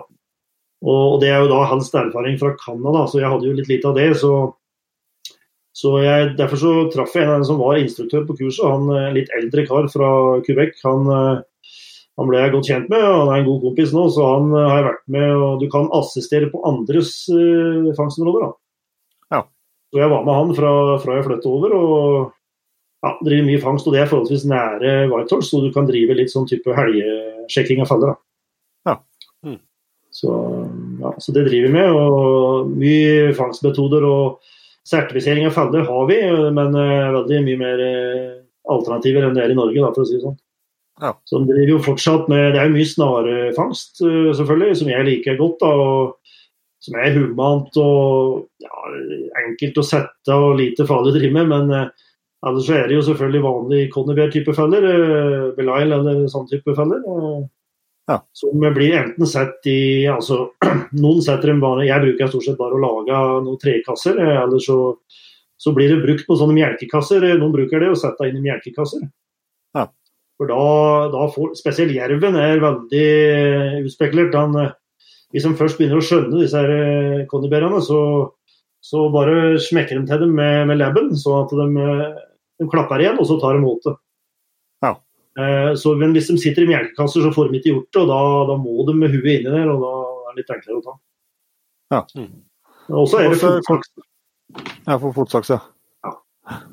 Men hvilke arter, arter er dere, er dere drivfangst driver fangst på sånn Ja, i løpet av en sesong, da? For det, det er jo det er noe mer enn eh, mår. ja, det er det. det, det. Vi driver jo ja Det er som sagt mår, men i mange områder her i nærheten av byen så er det faktisk uh, ikke lov å drive med målfangst, da, for den uh, har det vært litt lite av. Okay. Men for, for mange så er jo målen selvfølgelig enkel å fange, og, eh, så vi har, jeg driver jo det med det sjøl. Men så er det jo ulv, selvfølgelig. Og Ja. coyote. Eh, så har du selvfølgelig bever, vi driver en del. Eh, og det gjør vi ganske mye som, skade, som skadedyr langs veier òg, på, på sommerstid rett og slett, for å få åte da, til vinterski. Ja. Og, og bever er jo kjempefint som åte for alle mulig, alt mulig fangst. Og så Ja. så driver vi med mink, selvfølgelig, og oter. Eh, ja, og noe snømus og litt sånne ting. Men eh, ja. Og gaupe, da. Gaupe tar vi ganske mye av. Det går jo i syklus her. Den, her er jo gaupa stort sett han er jo helt avhengig av da. Den som vi har her. Ja. Og det går jo sånne sykluser på sju, åtte til ti år, kanskje. Så, ja. så vi hadde et år her et par år siden nå hvor det var eh, ekstremt med gaupe. Du så gaupe overalt, egentlig. Ja. Og, og da Jeg hadde noen kompiser som tok kanskje 50 på sesongen. da. Så, men det er jo litt mindre gaupe her enn den vi har hjemme, da. Den skandinaviske Ja. gaupa. Ja, ja. Er det snarere, er det, snarere går i på, på, på gaupeulv og sånn, eller? Ja, på? Ja, altså på gaupe så er det eksempel, det, det er det mange som bruker fotsaks. og Fotsaksene det er to typer som er lovlig. Det er en som har liksom en, eh, et gap mellom disse to kjelene. Ja. Eh, så det vil si at når de klapper igjen, så, så, så klyper ikke beinet av. Det, det er ikke ødelagt. selv om man skulle og Ellers så har du sånne med gummi på hver side, så de eh, sitter fast. og skal jo liksom ikke bli skada, da, eh, kan du si. Men det er klart, jeg, jeg liker jo egentlig det fotsakste. Selv om det er lovlig, så er det jo en del fangstfolk som har gått bort ifra det. for det re- Regelen her er at da må du sjekke hver femte dag hvis det er fotsaks. Ja. Eh, mens normalt er sju, hver sjuende dag. Da. Men uh, mange bruker det på gaupe, og det fungerer jo veldig bra. da. Ja. Litt åte eller luktestoff. Men jeg bruker stort sett snare på gaupe. og og da er det mange måter å gjøre det på, men uh, har som regel en sånn stor påle du forankrer dette i, i forkant av en stor skjørtegran eller noe. Ja. Lager deg litt av sånn bosso da, som du bruker noe tørrkvist for å liksom lage en avgrensa område. Ja. Og så blir det litt åte. og det, det beste jeg har funnet på gaupe, er stort sett å bruke eh, lebbene på gaupa, for dem, dem skjærer du av. Det blir ikke brukt når du leverer til skinnauksjoner. Så dem, det fungerer veldig bra. Ja, så du, du bruker gaupefota som eh, Ja, ja. Og så luktestoff eh, lager jeg en del sjøl. Bruker jeg en del sånne beverkjertler ikke sant? og sånn kastorer. Ja. Og bruker det en del, og med litt andre katnipølje og litt forskjellige ting. Og, men, det er en veldig populær time da, vet du, når du bruker miksmasterne til å mikse sammen dette greiene. så det har, har gått en del i det. det. Det siste jeg driver mye med nå, er uh, bruker inn, alt av innbølla på gaupe. Og så rører sammen i en stor bytte. og og dette skal jeg helst stå over sommeren, da, og så må du jo lette litt på løkket og, og røre litt en gang iblant. Det, er- jo ikke veldig populært, det er klart det lu- lufter litt, men også, også, blander jeg inn noe, Før jeg bruker det, så blander jeg inn noe fleskefett og så noe, noe alkohol, kan du si, så, så det ikke fryser. Ja. Og det, det fungerer, fungerer jævlig bra. Ja. Så, også sammen på ulv, så er det jo Ulven er jo veldig altså, for så Gaupe er jo lett å ta, for så vidt, og ikke så nøye, men ulven er liksom veldig ømfintlig på lukt. da. Så der eh, bruker jeg jo egne poser, kan du si, som du har hansker som du bare bruker til å ta i snarene med, og egne hansker på åte. og eh, Koker jeg stort sett snarene Jeg har mange måter å lage dem på, men jeg har prøvd masse forskjellig. og Koker snarene stort sett i sånn bakingsoda, eller noe sånn natron eller noe sånt. Ja. Og med ofte litt eh, noe granbar eller et eller annet. Noen bruker òg noen sånne forskjellige typer behandlingsting, men det, det gjør jeg ikke, da. Og, ja, og da setter opp snarer, og, og det blir mange måter å gjøre det på òg, men mange bruker liksom et avgrenset område hvor du prøver å avgrense med noe tømmer og litt sånne ting. og noe kvist og kvast også, som ser mest mulig naturlig ut, og, og bruker åte. da. Men det er klart, det mer åte du har, det, det bedre er det. Ja. Ja, og, og så snarer du tar, tar de snara på tur inn mot åte, liksom. ja, ja, og jeg har ofte en åpning som går inn i området, inn til åte, som er uten snarer. Så mange ganger så kommer de inn, eh, inn til åte, inn der jeg har gått, liksom i åpningen. I en sirkel, kan du si, da, med en åpning. Og ofte så går de ikke tilbake på baksporet sitt, eh, merkelig nok, ut av, ut av ringen igjen. Eh, og da har jeg jo snarere da stort sett overalt ellers, så da går de ut en annen plass, enten med, med åte f.eks., de drar med seg litt åte, eller de bare hopper ut igjen. da. Og Hvis én blir tatt da, så er det ofte at de andre holder i området litt og sirkler rundt, og du kan ta noen flere samtidig. da. Hmm. Så ja. Men eh, på, på gaupa, som som ikke er noe alvor til, til åtespiser, eh, eh, så er det liksom noen strategiske plasser, passeringspunkt som sånn du legger, legger ut der, da, eller? Altså Det blir jo ofte å se på spor, og dere har vært gaupe før og ikke sant det, og som har passert. Ja. Som blir brukt. eh, Men ellers så er det gaupa like er det lettfint. da. Han er veldig sånn behagelig. Det er en typisk katt. Ja. katt. Så han eh, følger ofte scooterstigene mye. og Så da blir det jo sette det veldig nære scooterstigene, ikke sant, snarene. Eh, Og så passer jeg på måke, så det er fint å pønte inn ned til snara. For det er enklere det er for, for gaupa til å gå inn, gå ned til, til, åteplassen. Det bedre er det. Da er det mye snø, så, så går det ikke så, så mye. Så ja, det er stort sett sånn vi gjør det. Så. Og du tar ofte gaupe om igjen om igjen på samme plassene. da. Nei, men det er jaggu mye å sette seg inn i. Det er jo- det er jo veldig mye som er annerledes i forhold til hva vi er vant med her til lands. Ja, helt klart. Det var veldig mye nytt. Så det var mye notater i begynnelsen her, og mye bilder. Ja, det vil jeg tro. ja, det er det. altså. Så ja, veld, veldig mye nytt. Og sjøl på målfangstsida, så ja, det, det blir jo stort sett bare brukt uh, sånne connibærer, da, kan du si. Ja, ja. Som jeg ikke hadde brukt så mye i Norge, egentlig. eh, Som jeg ikke likte så godt i begynnelsen. Men eh, den, den blir jo satt inn i kasser, her, stort sett. da. Så, Ja. så, så det fungerer jo veldig bra, det. Men går det du, Nå hadde du dette eget fangstområde nå, eller? Ja, jeg fikk eh, endte med at jeg var jo veldig aktivt ute og, på en del møtevirksomhet og prøvde å få tak i noe. Og da prøvde å gjøre seg litt kjent da, og spre ut navnet sitt litt. Så da var det en som ringte etter hvert og skulle selge området sitt, så da kjøpte jeg det. Og det var litt sånn guttedrøm, det å ha et fangstområde som ligger eh, ja, så, så øde som mulig da, oppe i fjellet. Det, det har jo sin pris, men at det kosta ganske mye. og Jeg må fly inn da, med fly inn til, til fangstlinja.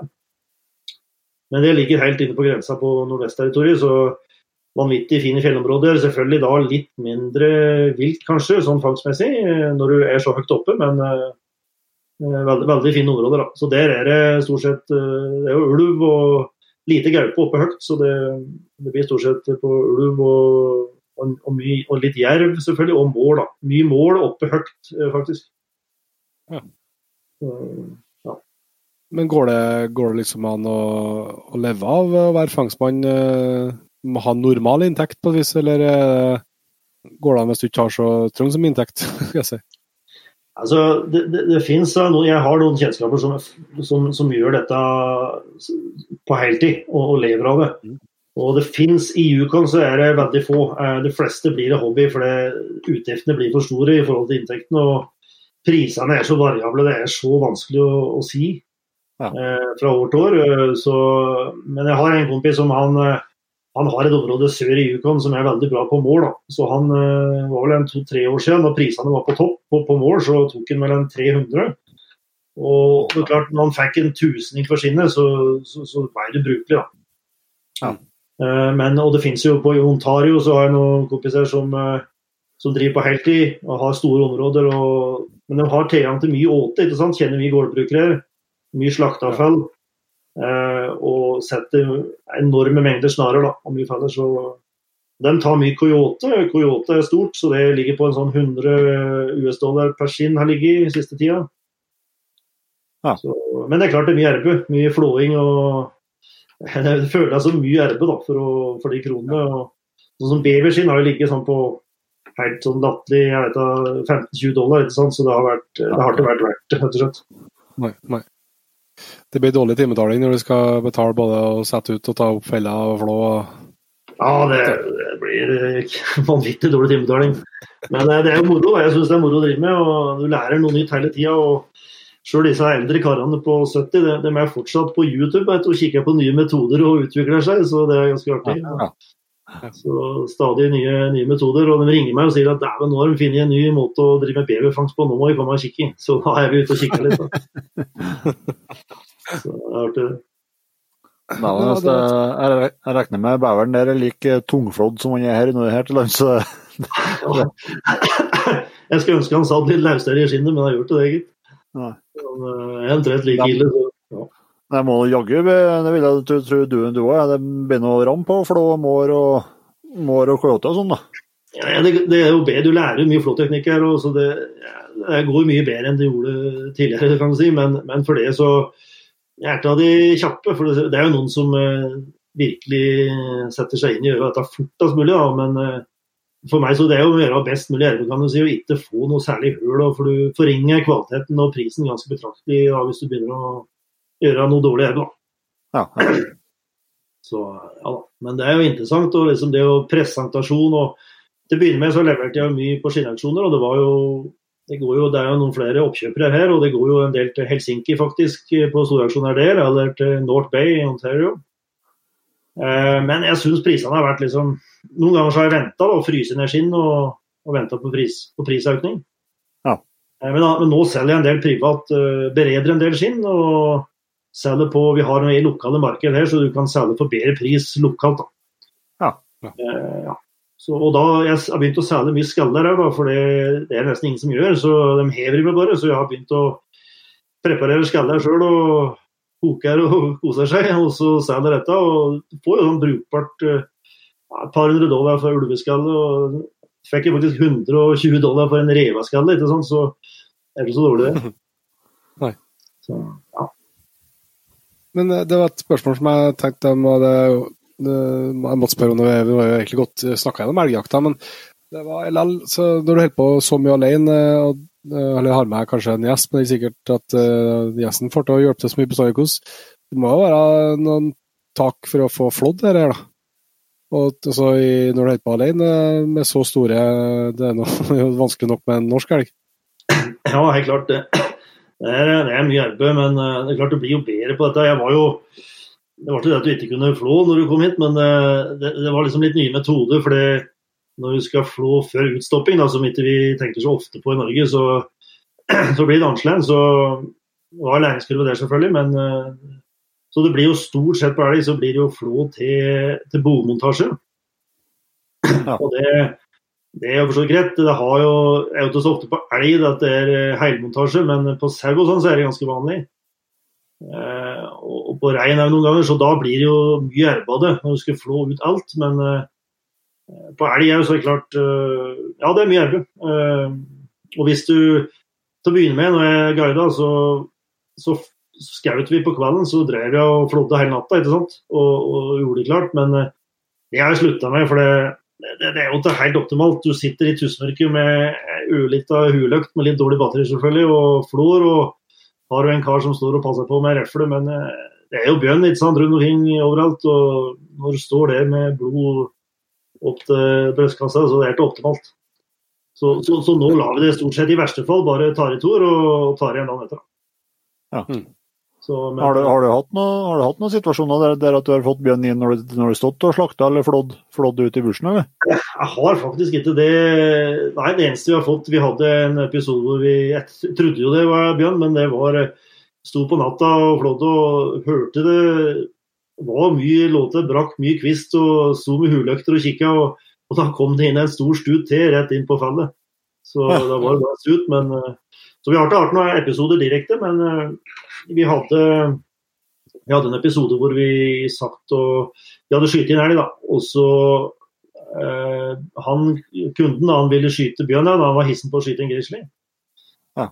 Så, så må, jeg setter som regel ut kamera da, på, på, den plassen, på slakteplassen, for å se. Det er ikke noe vits å sitte der hvis det ikke kommer noen innpå den. Uh, og da var vel første natta det var bare, Jeg tror det var bare tre timer etter vi hadde slakta ferdig natta, så var, da var Bjørn der. Så han hadde nok vært i nærheten. men uh, og da, Det var en stor hannbjørn, så vi bestemte oss for å sitte. og Da ofte hogg jeg i gate. da. Uh, dette var jo reflejeger. Sitter du med en buejeger på, på åte, det er ikke så stas, da, for da må du jo sitte på 20 meter. Så da må du være relativt tilbake sjøl, da. Men nå satt vi liksom på en eh, snaue 100 meter, kanskje, Hogg deg litt av glemme. Og så sitter du og venter da på Nå satt vi på eftan, og ja, det ble jo mørkere og mørkere. Jeg hadde med meg en unggutt som uh, satt på ei lita vaskebytte bak meg. Og vi satt og kikka. Og det, jeg hadde jo sagt til han jegeren at jeg likte egentlig ikke bekledninga hans, for han satt med noe sånn Gore-Tex-greier, men OK.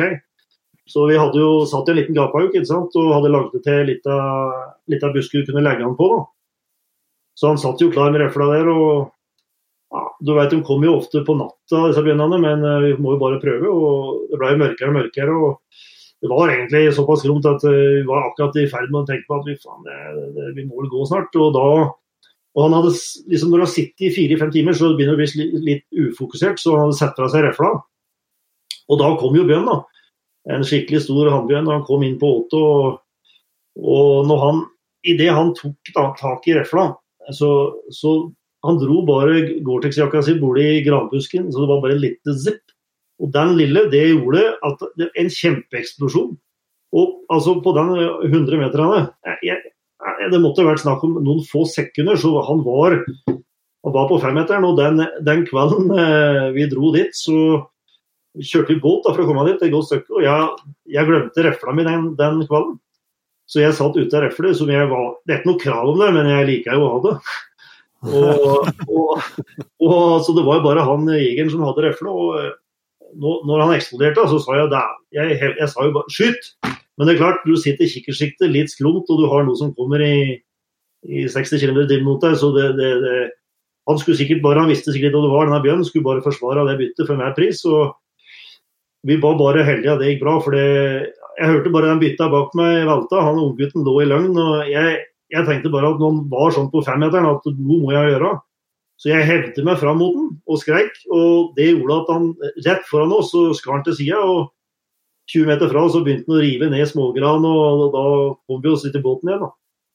Så det, det, var med det var med lyst til å lempe. Det kunne gått galt, det. Så vi, vi var faktisk tilbake igjen da Eh, det var vel dagen etter, og da, da, var, jo, eh, da var jo han jegeren òg ørlite mer fokusert.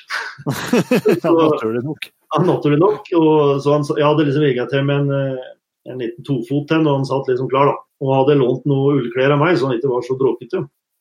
For det, og da samme, Det skjedde noenlunde sammen. Da kom Bjørn liksom midt imellom oss og Åte, så han kom ut på sånn 50-meteren.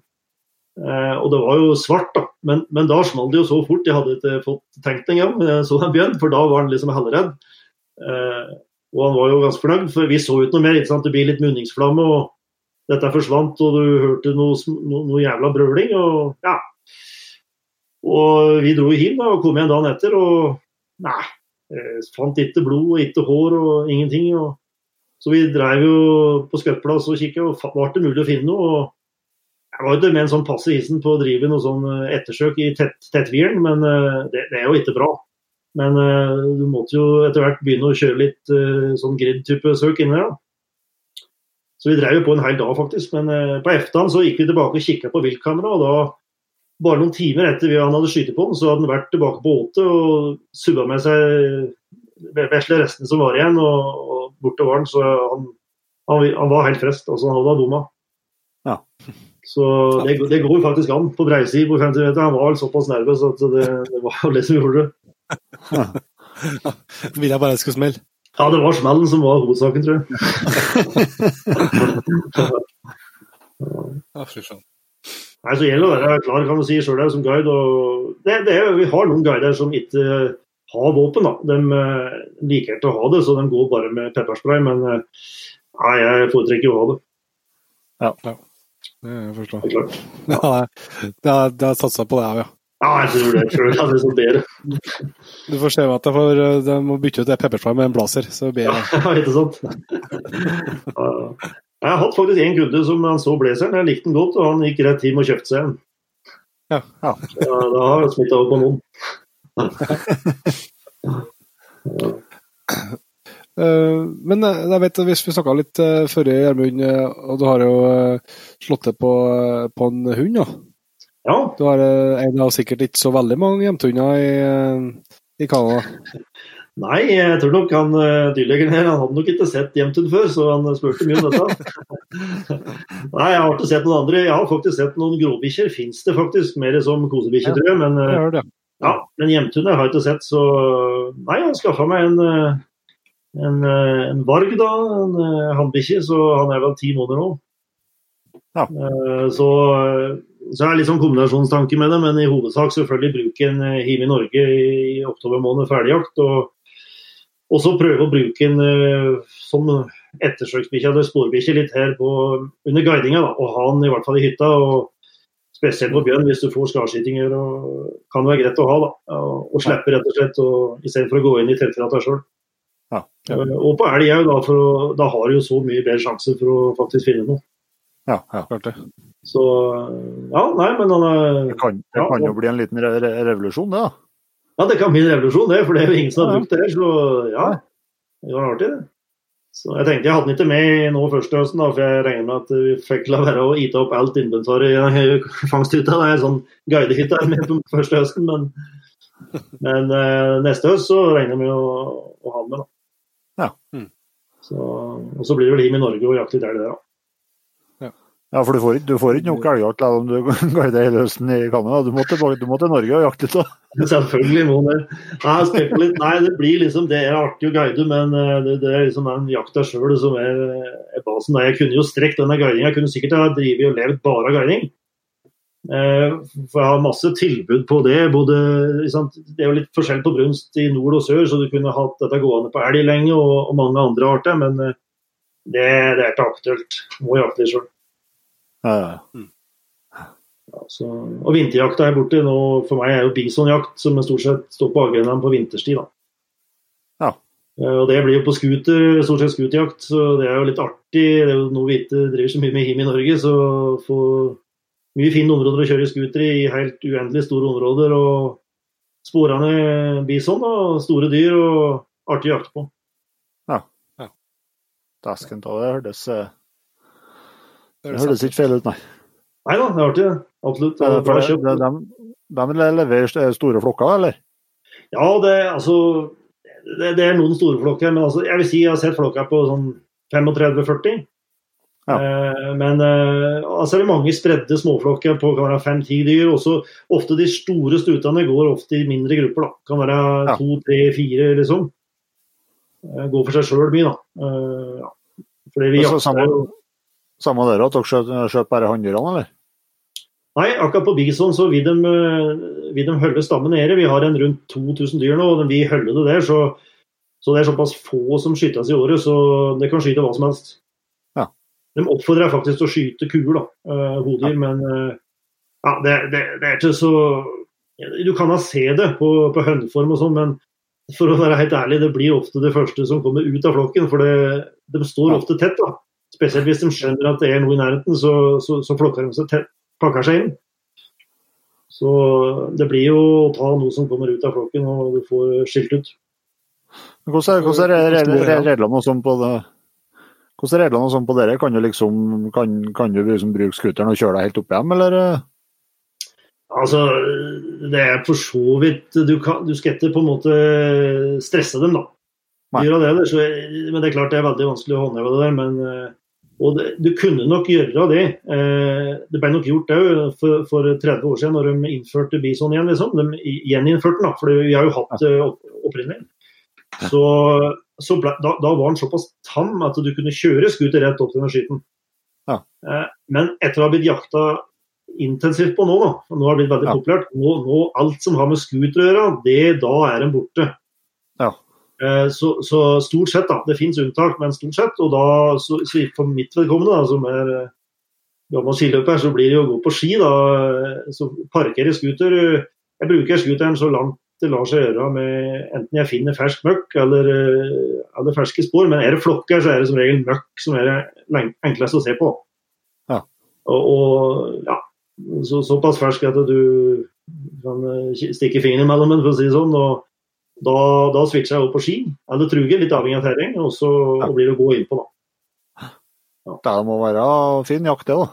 Ja, kjempejakt. kjempejakt. Ja. Og, og det kommer jo stort sett altså nå, Hvis du jakter sein sesong, så har de blitt såpass mye jakta på at de eh, kryper opp i høgfjella, så de kan være på 2000 meter topper. Så da blir det jo litt mer erbe å få det ned igjen, for å si det sånn. For du kommer jo ikke opp med scooter, men uh, skyter du tidlig sesong, så kan du jo få skyte i, i, mer i legere områder, og da kommer du jo til med scooter, stort sett. da. Ja, Snakk Hvor, hvordan hvor store kjøtthaug er det?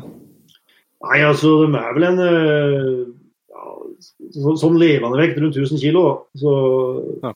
ja, Slaktevekt, ja, men altså, ja. Så, halvparten av det er noe 500 kg, kanskje. eh, det er litt tamt hvis en sånn eh, flokk med stuter har tenkt å scooter, da. De, eh, Ja, det er vel eh, det er klart. Ja, de er bøser. Vi hadde faktisk en jeger her i fjor, tror jeg, som eh, det var to jegere og de skallskaut en. For de er hardskytende eh, stort sett, da, det er bare å si. De, eh, og en, en skikkelig pels, og du, det blir ikke noe blod heller. Selv på snø det, det er stort sett ikke blod. Nei. Og, og de ut en, og de gikk jo etter den og kom nær den, og da jaggu angrep han. og han kjørte hønene inn i han ene karen og, og, og klemte den ned i bakken, så han, han lå egentlig mellom hønene på bison. Og han andre kompisen han eh, kom vel til og fikk skyte etter hvert, men, eh, men Så det gikk jo bra, men han hadde noe brytende ribbein og litt sånn småtteri, så det er ikke helt ufarlig. faen, det er som blir truffet av godstog, vet du. Ja, det er vel eh, saker, det. Ja, 7 mm de bruker på bison, eller? Det, jeg skulle gjerne gjort det, men de har et eller annet merkelig krav på det. At det minste lovlige kaliber er vel en 30-kaliber. så du, altså 3006 er på en måte det minste du kan bruke. 7 mm er egentlig ikke Selv om energien er større, Ja. så, så får du ikke lov å bruke den. Nei. Så der har jeg brukt Jeg begynte egentlig med en eh, 375 Ja. eh, på blazeren, men eh, eh, Og jeg hadde litt nitre òg, faktisk, eh, som jeg brukte. Eh, men en den 375 Bakdelen er jo fin, ja, men bakdelen med det er får noen litt lange hull eh, som eh, du prøver å ikke få, men noen ganger så kan det bli litt lengre hull. Ja. Eh, Og da er jo Så nå har jeg, bruker jeg den 300 Nordmann Magnumen, da. Ja, den, den blir fin. Den er fin. Ja. Det er klart. Og vi får ikke lov å bruke lyddemper her, da. Så det, så nå, jeg har jo ikke likt Jeg har jo aldri hatt munningsbrems, men det setter jeg faktisk på den 300 nå, for det Ja, det, det, det, var, det er litt rekke, liksom, så det, så det hjelper litt, det. altså. Eh, Men det er klart, du må jo prøve å få kila inn noen propper i hjørnet, da. Ja. Ja. Nå husker det. Det var 300 nordmannvogner vi skjøt med Petter når vi var på Flå, men den, den var det jo Det var noen ly- lyddempere på den, ja, men eh, klart du kjenner, du kjenner ja. Ja da, ja da. Men eh, jeg syns det er fin. Og så er det jo prøve å finne noen kuler som, som er brukbare BC-er på, så du ja, framfor, eh, framfor noe annet som går bra, i hvert fall når du må skyte litt lenger hull, sånn som på sauejakt og sånne ting. og ja, prøv å velge litt mer Før var jeg liksom helt uinteressert av hva du skjøt med kulemessig, men nå, nå er jeg litt mer eh, prøver å finne noen bedre kuler. der, Ja. Hva er favoritten så langt, da? Nei, altså jeg har skutt Siden jeg ikke la det sjøl enda, da. Det, det, står på lista, men jeg har liksom kviet meg litt for å, for å begynne med dette. Enda en ting. Eh, så jeg har kjøpt en del ammunisjon fra, fra Gunworks, som er et selskap i USA. Da. Så det, dem handla det jo på en måte. Så det blir jo Jeg skyter mest uh, Hornadys uh, matchkuler. Ellers har det vært uh, de uh, VLD Hunting fra Berger, da. Den har vært veldig ja, veldig bra basic, god veldig bra. og Tåler en del vind, da, for å si det sånn. Det er ikke så mye skruing som det blir på 6,5 og sånn. Nei. Så ja. Så det har vært bra, det. Og den, jeg brukte 375, så brukte jeg Oryx lenge. Ja, men jeg, etter å ha skutt i Bison og sånn med det, så jeg, jeg er ikke så fornøyd med Oryxen. Sånn, han, han hørte sammen sånn som jeg trodde. da. Det, det blir mye fragmenter. Da. Ja. Så, så ja. Må prøve å finne noe annet. Noe, det finnes jo noen andre alternativer, men noen Swift-kuler. og Så jeg prøvde litt på RVS-kulene, som jeg har vært ganske fornøyd med. Mm.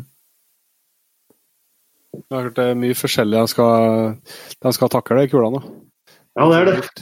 Ja, det er det, og det er ikke så godt å gjøre seg opp. Jeg, jeg skyter jo ikke haugevis med dyr, så det er litt vanskelig å ja, få den erfaringsgrunnlaget til å faktisk si at den er kul, den er helt bra nok, og den er bra og sånn, så det, det, tar litt tid. Da. Du må liksom høre litt på andre som har skutt i mer enn det du gjør sjøl, så ja. Ja, det er litt det er ikke nok å skjøte ett dyr og så se at noe ikke funker, nei. Nei, det er akkurat det. Selv om det er mange som har prøvd det òg. Ja da. Men du var litt på, litt på utstyrskjøret. Vi du har vært tydelig på hvilke klær du men som måte når en skal lokke, lokke og sette på bjørnete, må være stilt med ull og flis. Men hvordan opplever du at, at liksom, ja, både utvalget er jo selvsagt hvert fall USA svært på, på, alt som har med jaktutstyr og klær og alt sånt å gjøre, men hvordan er de, er de like flinke? Er de flinkere?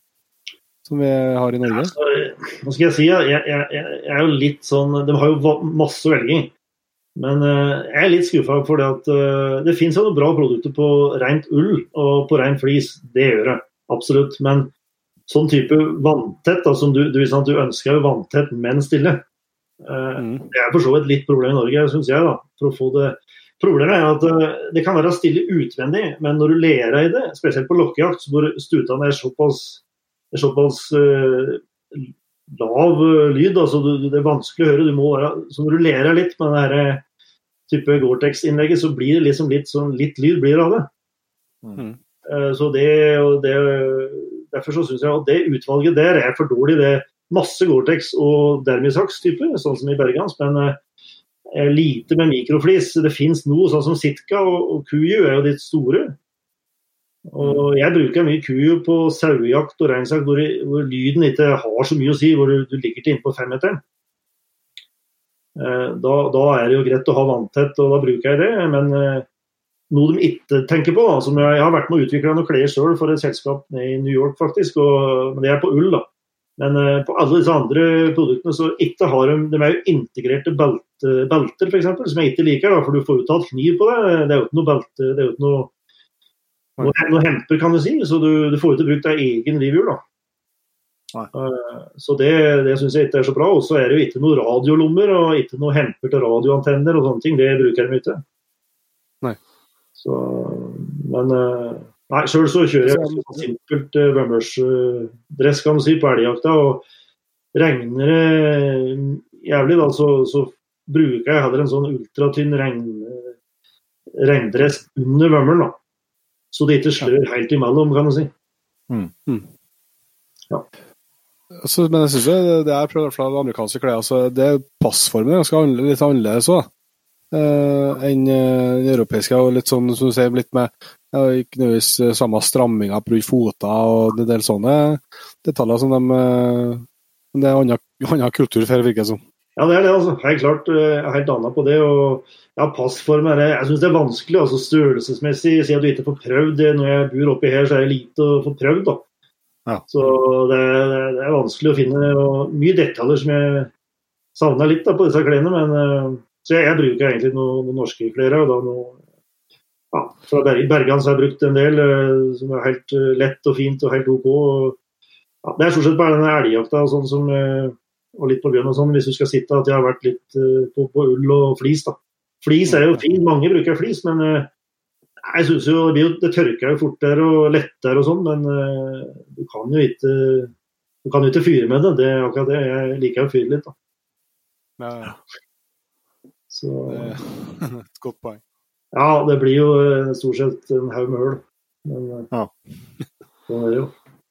Jeg husker, jeg vet ikke hvor mange år siden, nå, men det var i hvert fall første gangen jeg bestilte meg en jaktdress hvitkammo fra, fra andre sida av dammen. eh, Det er- det siste gangen jeg gjør det. Jeg fant ut at det var sånn ja, passelig størrelse. da.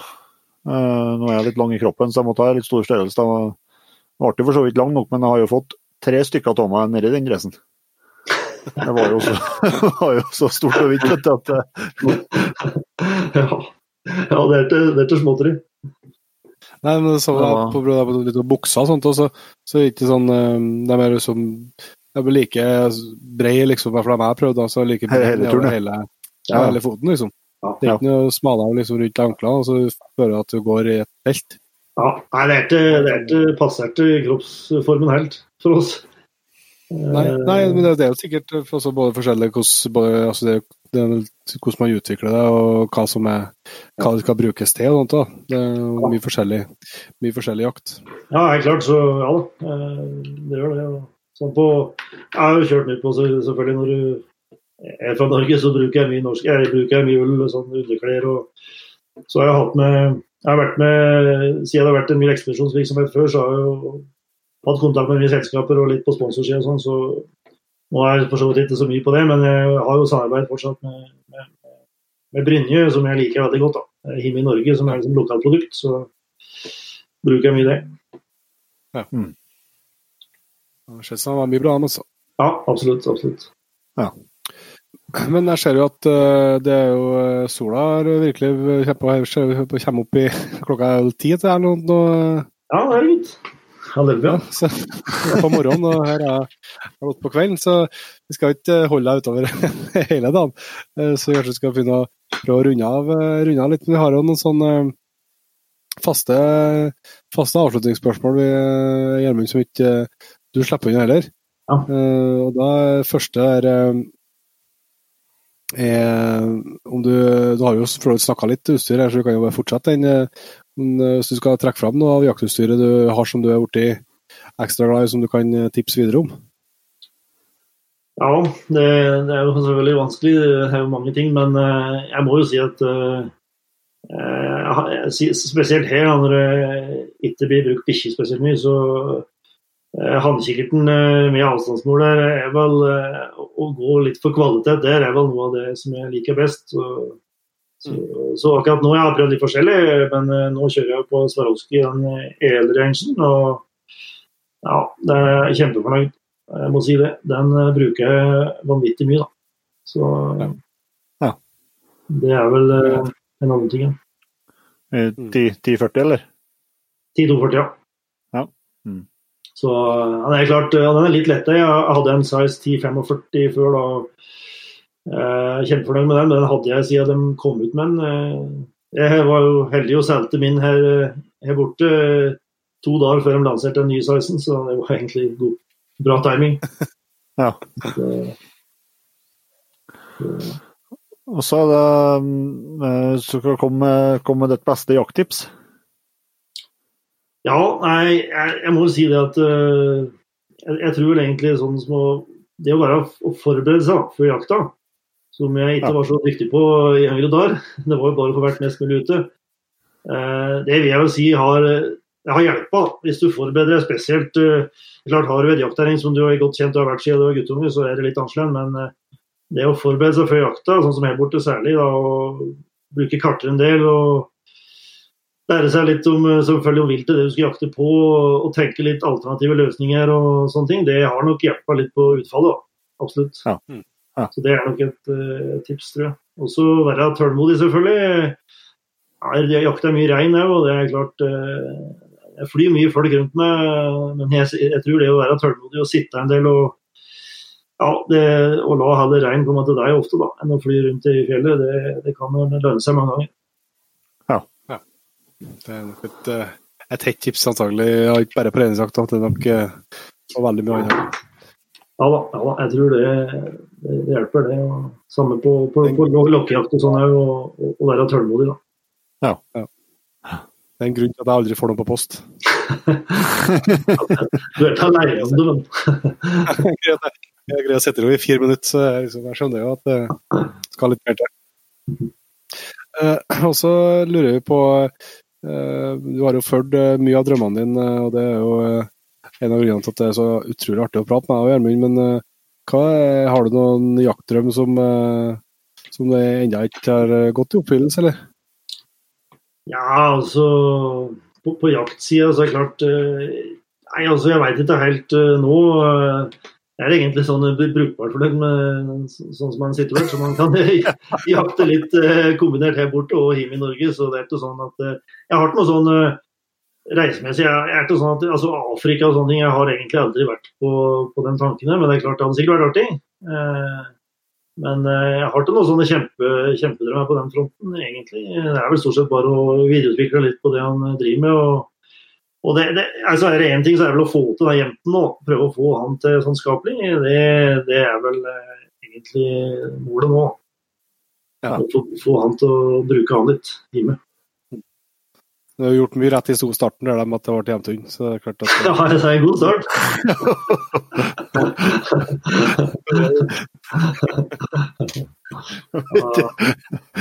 Du, du avslutter med den, ja, Jan Peder. Ja, faen. Så det er balansert, det. Nei, men det kjempebra. Og så er vi jo alltid på jakt etter Du har jo delt mye historier allerede, Gjermund, men eh, du har nok kanskje jakthistorier to eh, på lager til slutt, eller du? Ja, det er klart det er noen historier som kommer på, men eh, jeg husker vel eh, mange selvfølgelig, men den første det var den første harran jeg skjøt, tror jeg. Da var, da var jeg vel ni år da, kanskje, snaue. Og da jeg fikk lov å stå alene, da, for det var nok relativt nære, men jeg så den i hvert fall ikke. Og, og da hadde vi en gammel dunker, da, selvfølgelig. Og var jo som sagt eh, godt, godt fôra, så han var jo i, god stand. Så det gikk jo smått, og Harald fikk jo lov å herje ganske fritt. eh, Men han var egentlig såpass langt foran. Han, eh, han hadde vel stoppa Han gjorde ikke så mye spill lenger heller, for han hadde såpass god tid. Han kunne beite litt og han hadde jo veldig god tid.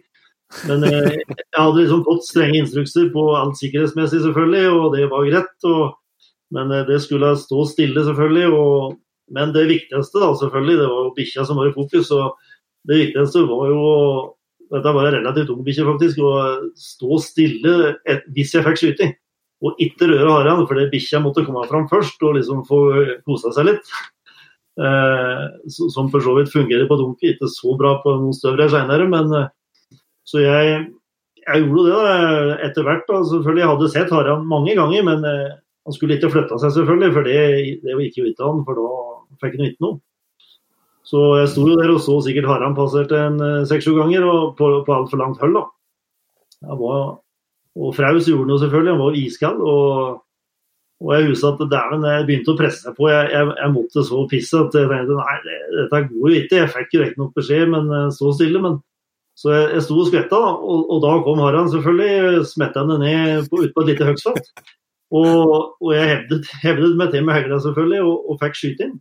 Og da, men da var jeg så fokusert på å stå og vente på bikkja at når fattet kom, så sto jeg med snurrebassen ute fortsatt, så han lurte fortsatt på hva jeg drev med. Men eh, det klart, han, eh, han var jo ikke helt der, da, så jeg fikk vel inn igjen og lukka opp. Men Det, det husker jeg godt. Til. Og da var det tok, tok ting veldig seriøst. Ja, du må, må få skryt for at du hørte etter, da. Ja, ja, det var ikke dårlig, det. Ja, ja, ja. Jeg vil ikke ha noen problemer i starten på karrieren, vet du, så måtte bare ta, ta, ta ordene. Ja, Ja, fantastisk bra.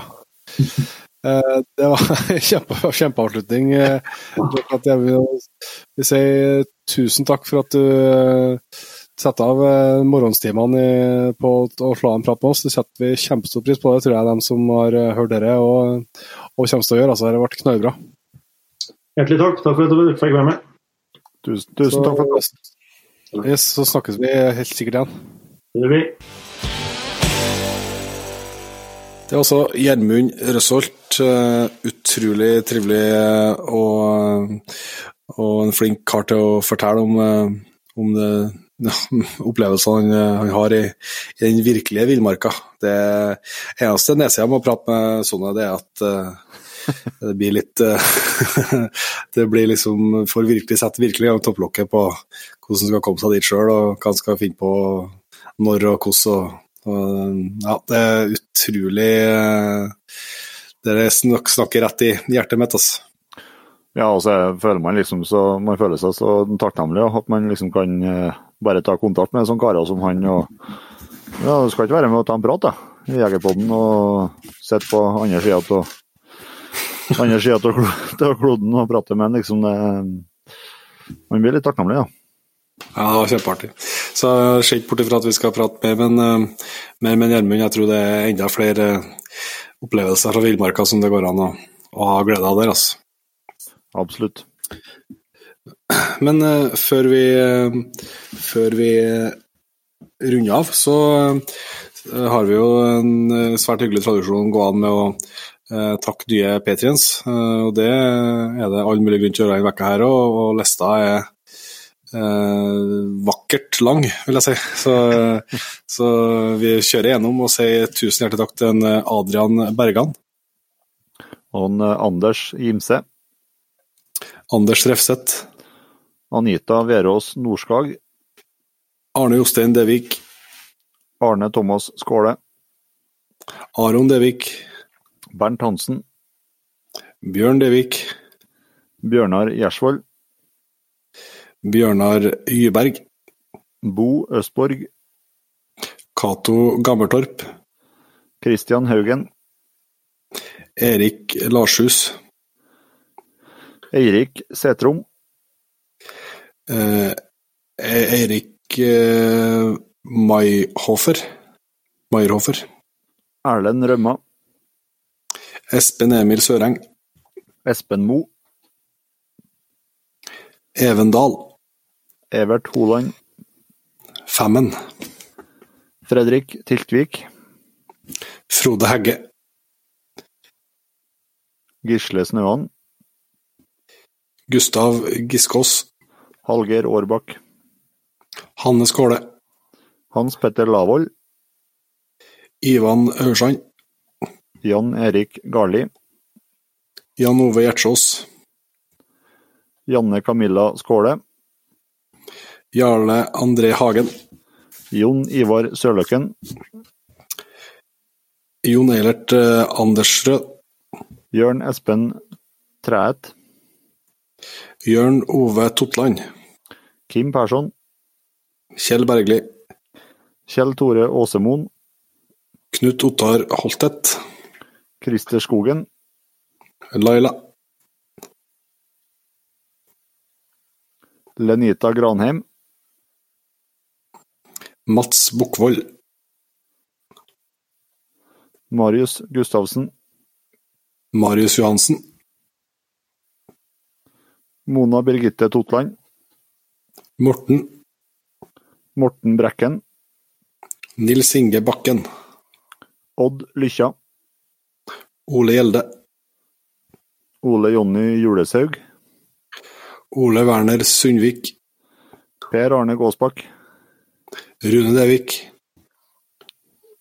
Simen Sletten Nilsen, Simon Ag, Sondre Torsland, Stian Almstad, Stian Pettersen, Stian Rød, Svein Christer Østnord, Terje Syvertsen, Tobias Jensen, Thomas Værum, Tor Håkon Fosslien, Torleif Sør eh, Reime, Trygve Engedal, Vegard Evenstad, Vegard Reitan.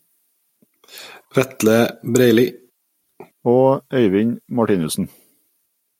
Tusen hjertelig takk til alle dere. Eh, artig å se at det var- det virka som mye livbygg på lista. Ja, det, det, det er veldig mye etternavn vi følger her, i hvert fall. Så det, de er godt representert her gangen.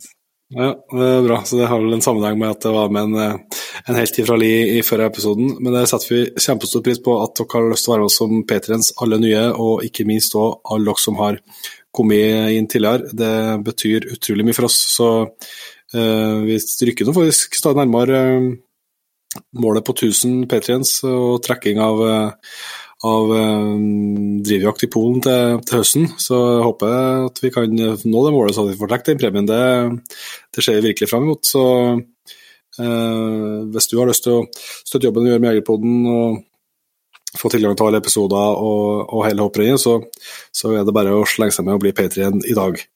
Uh, så ser vi som vi bruker. Ta og Sjekk ut jegerpodden.no. Følg oss på Facebook og på Instagram. Og så uh, til neste gang. Vi høres. Vi høres.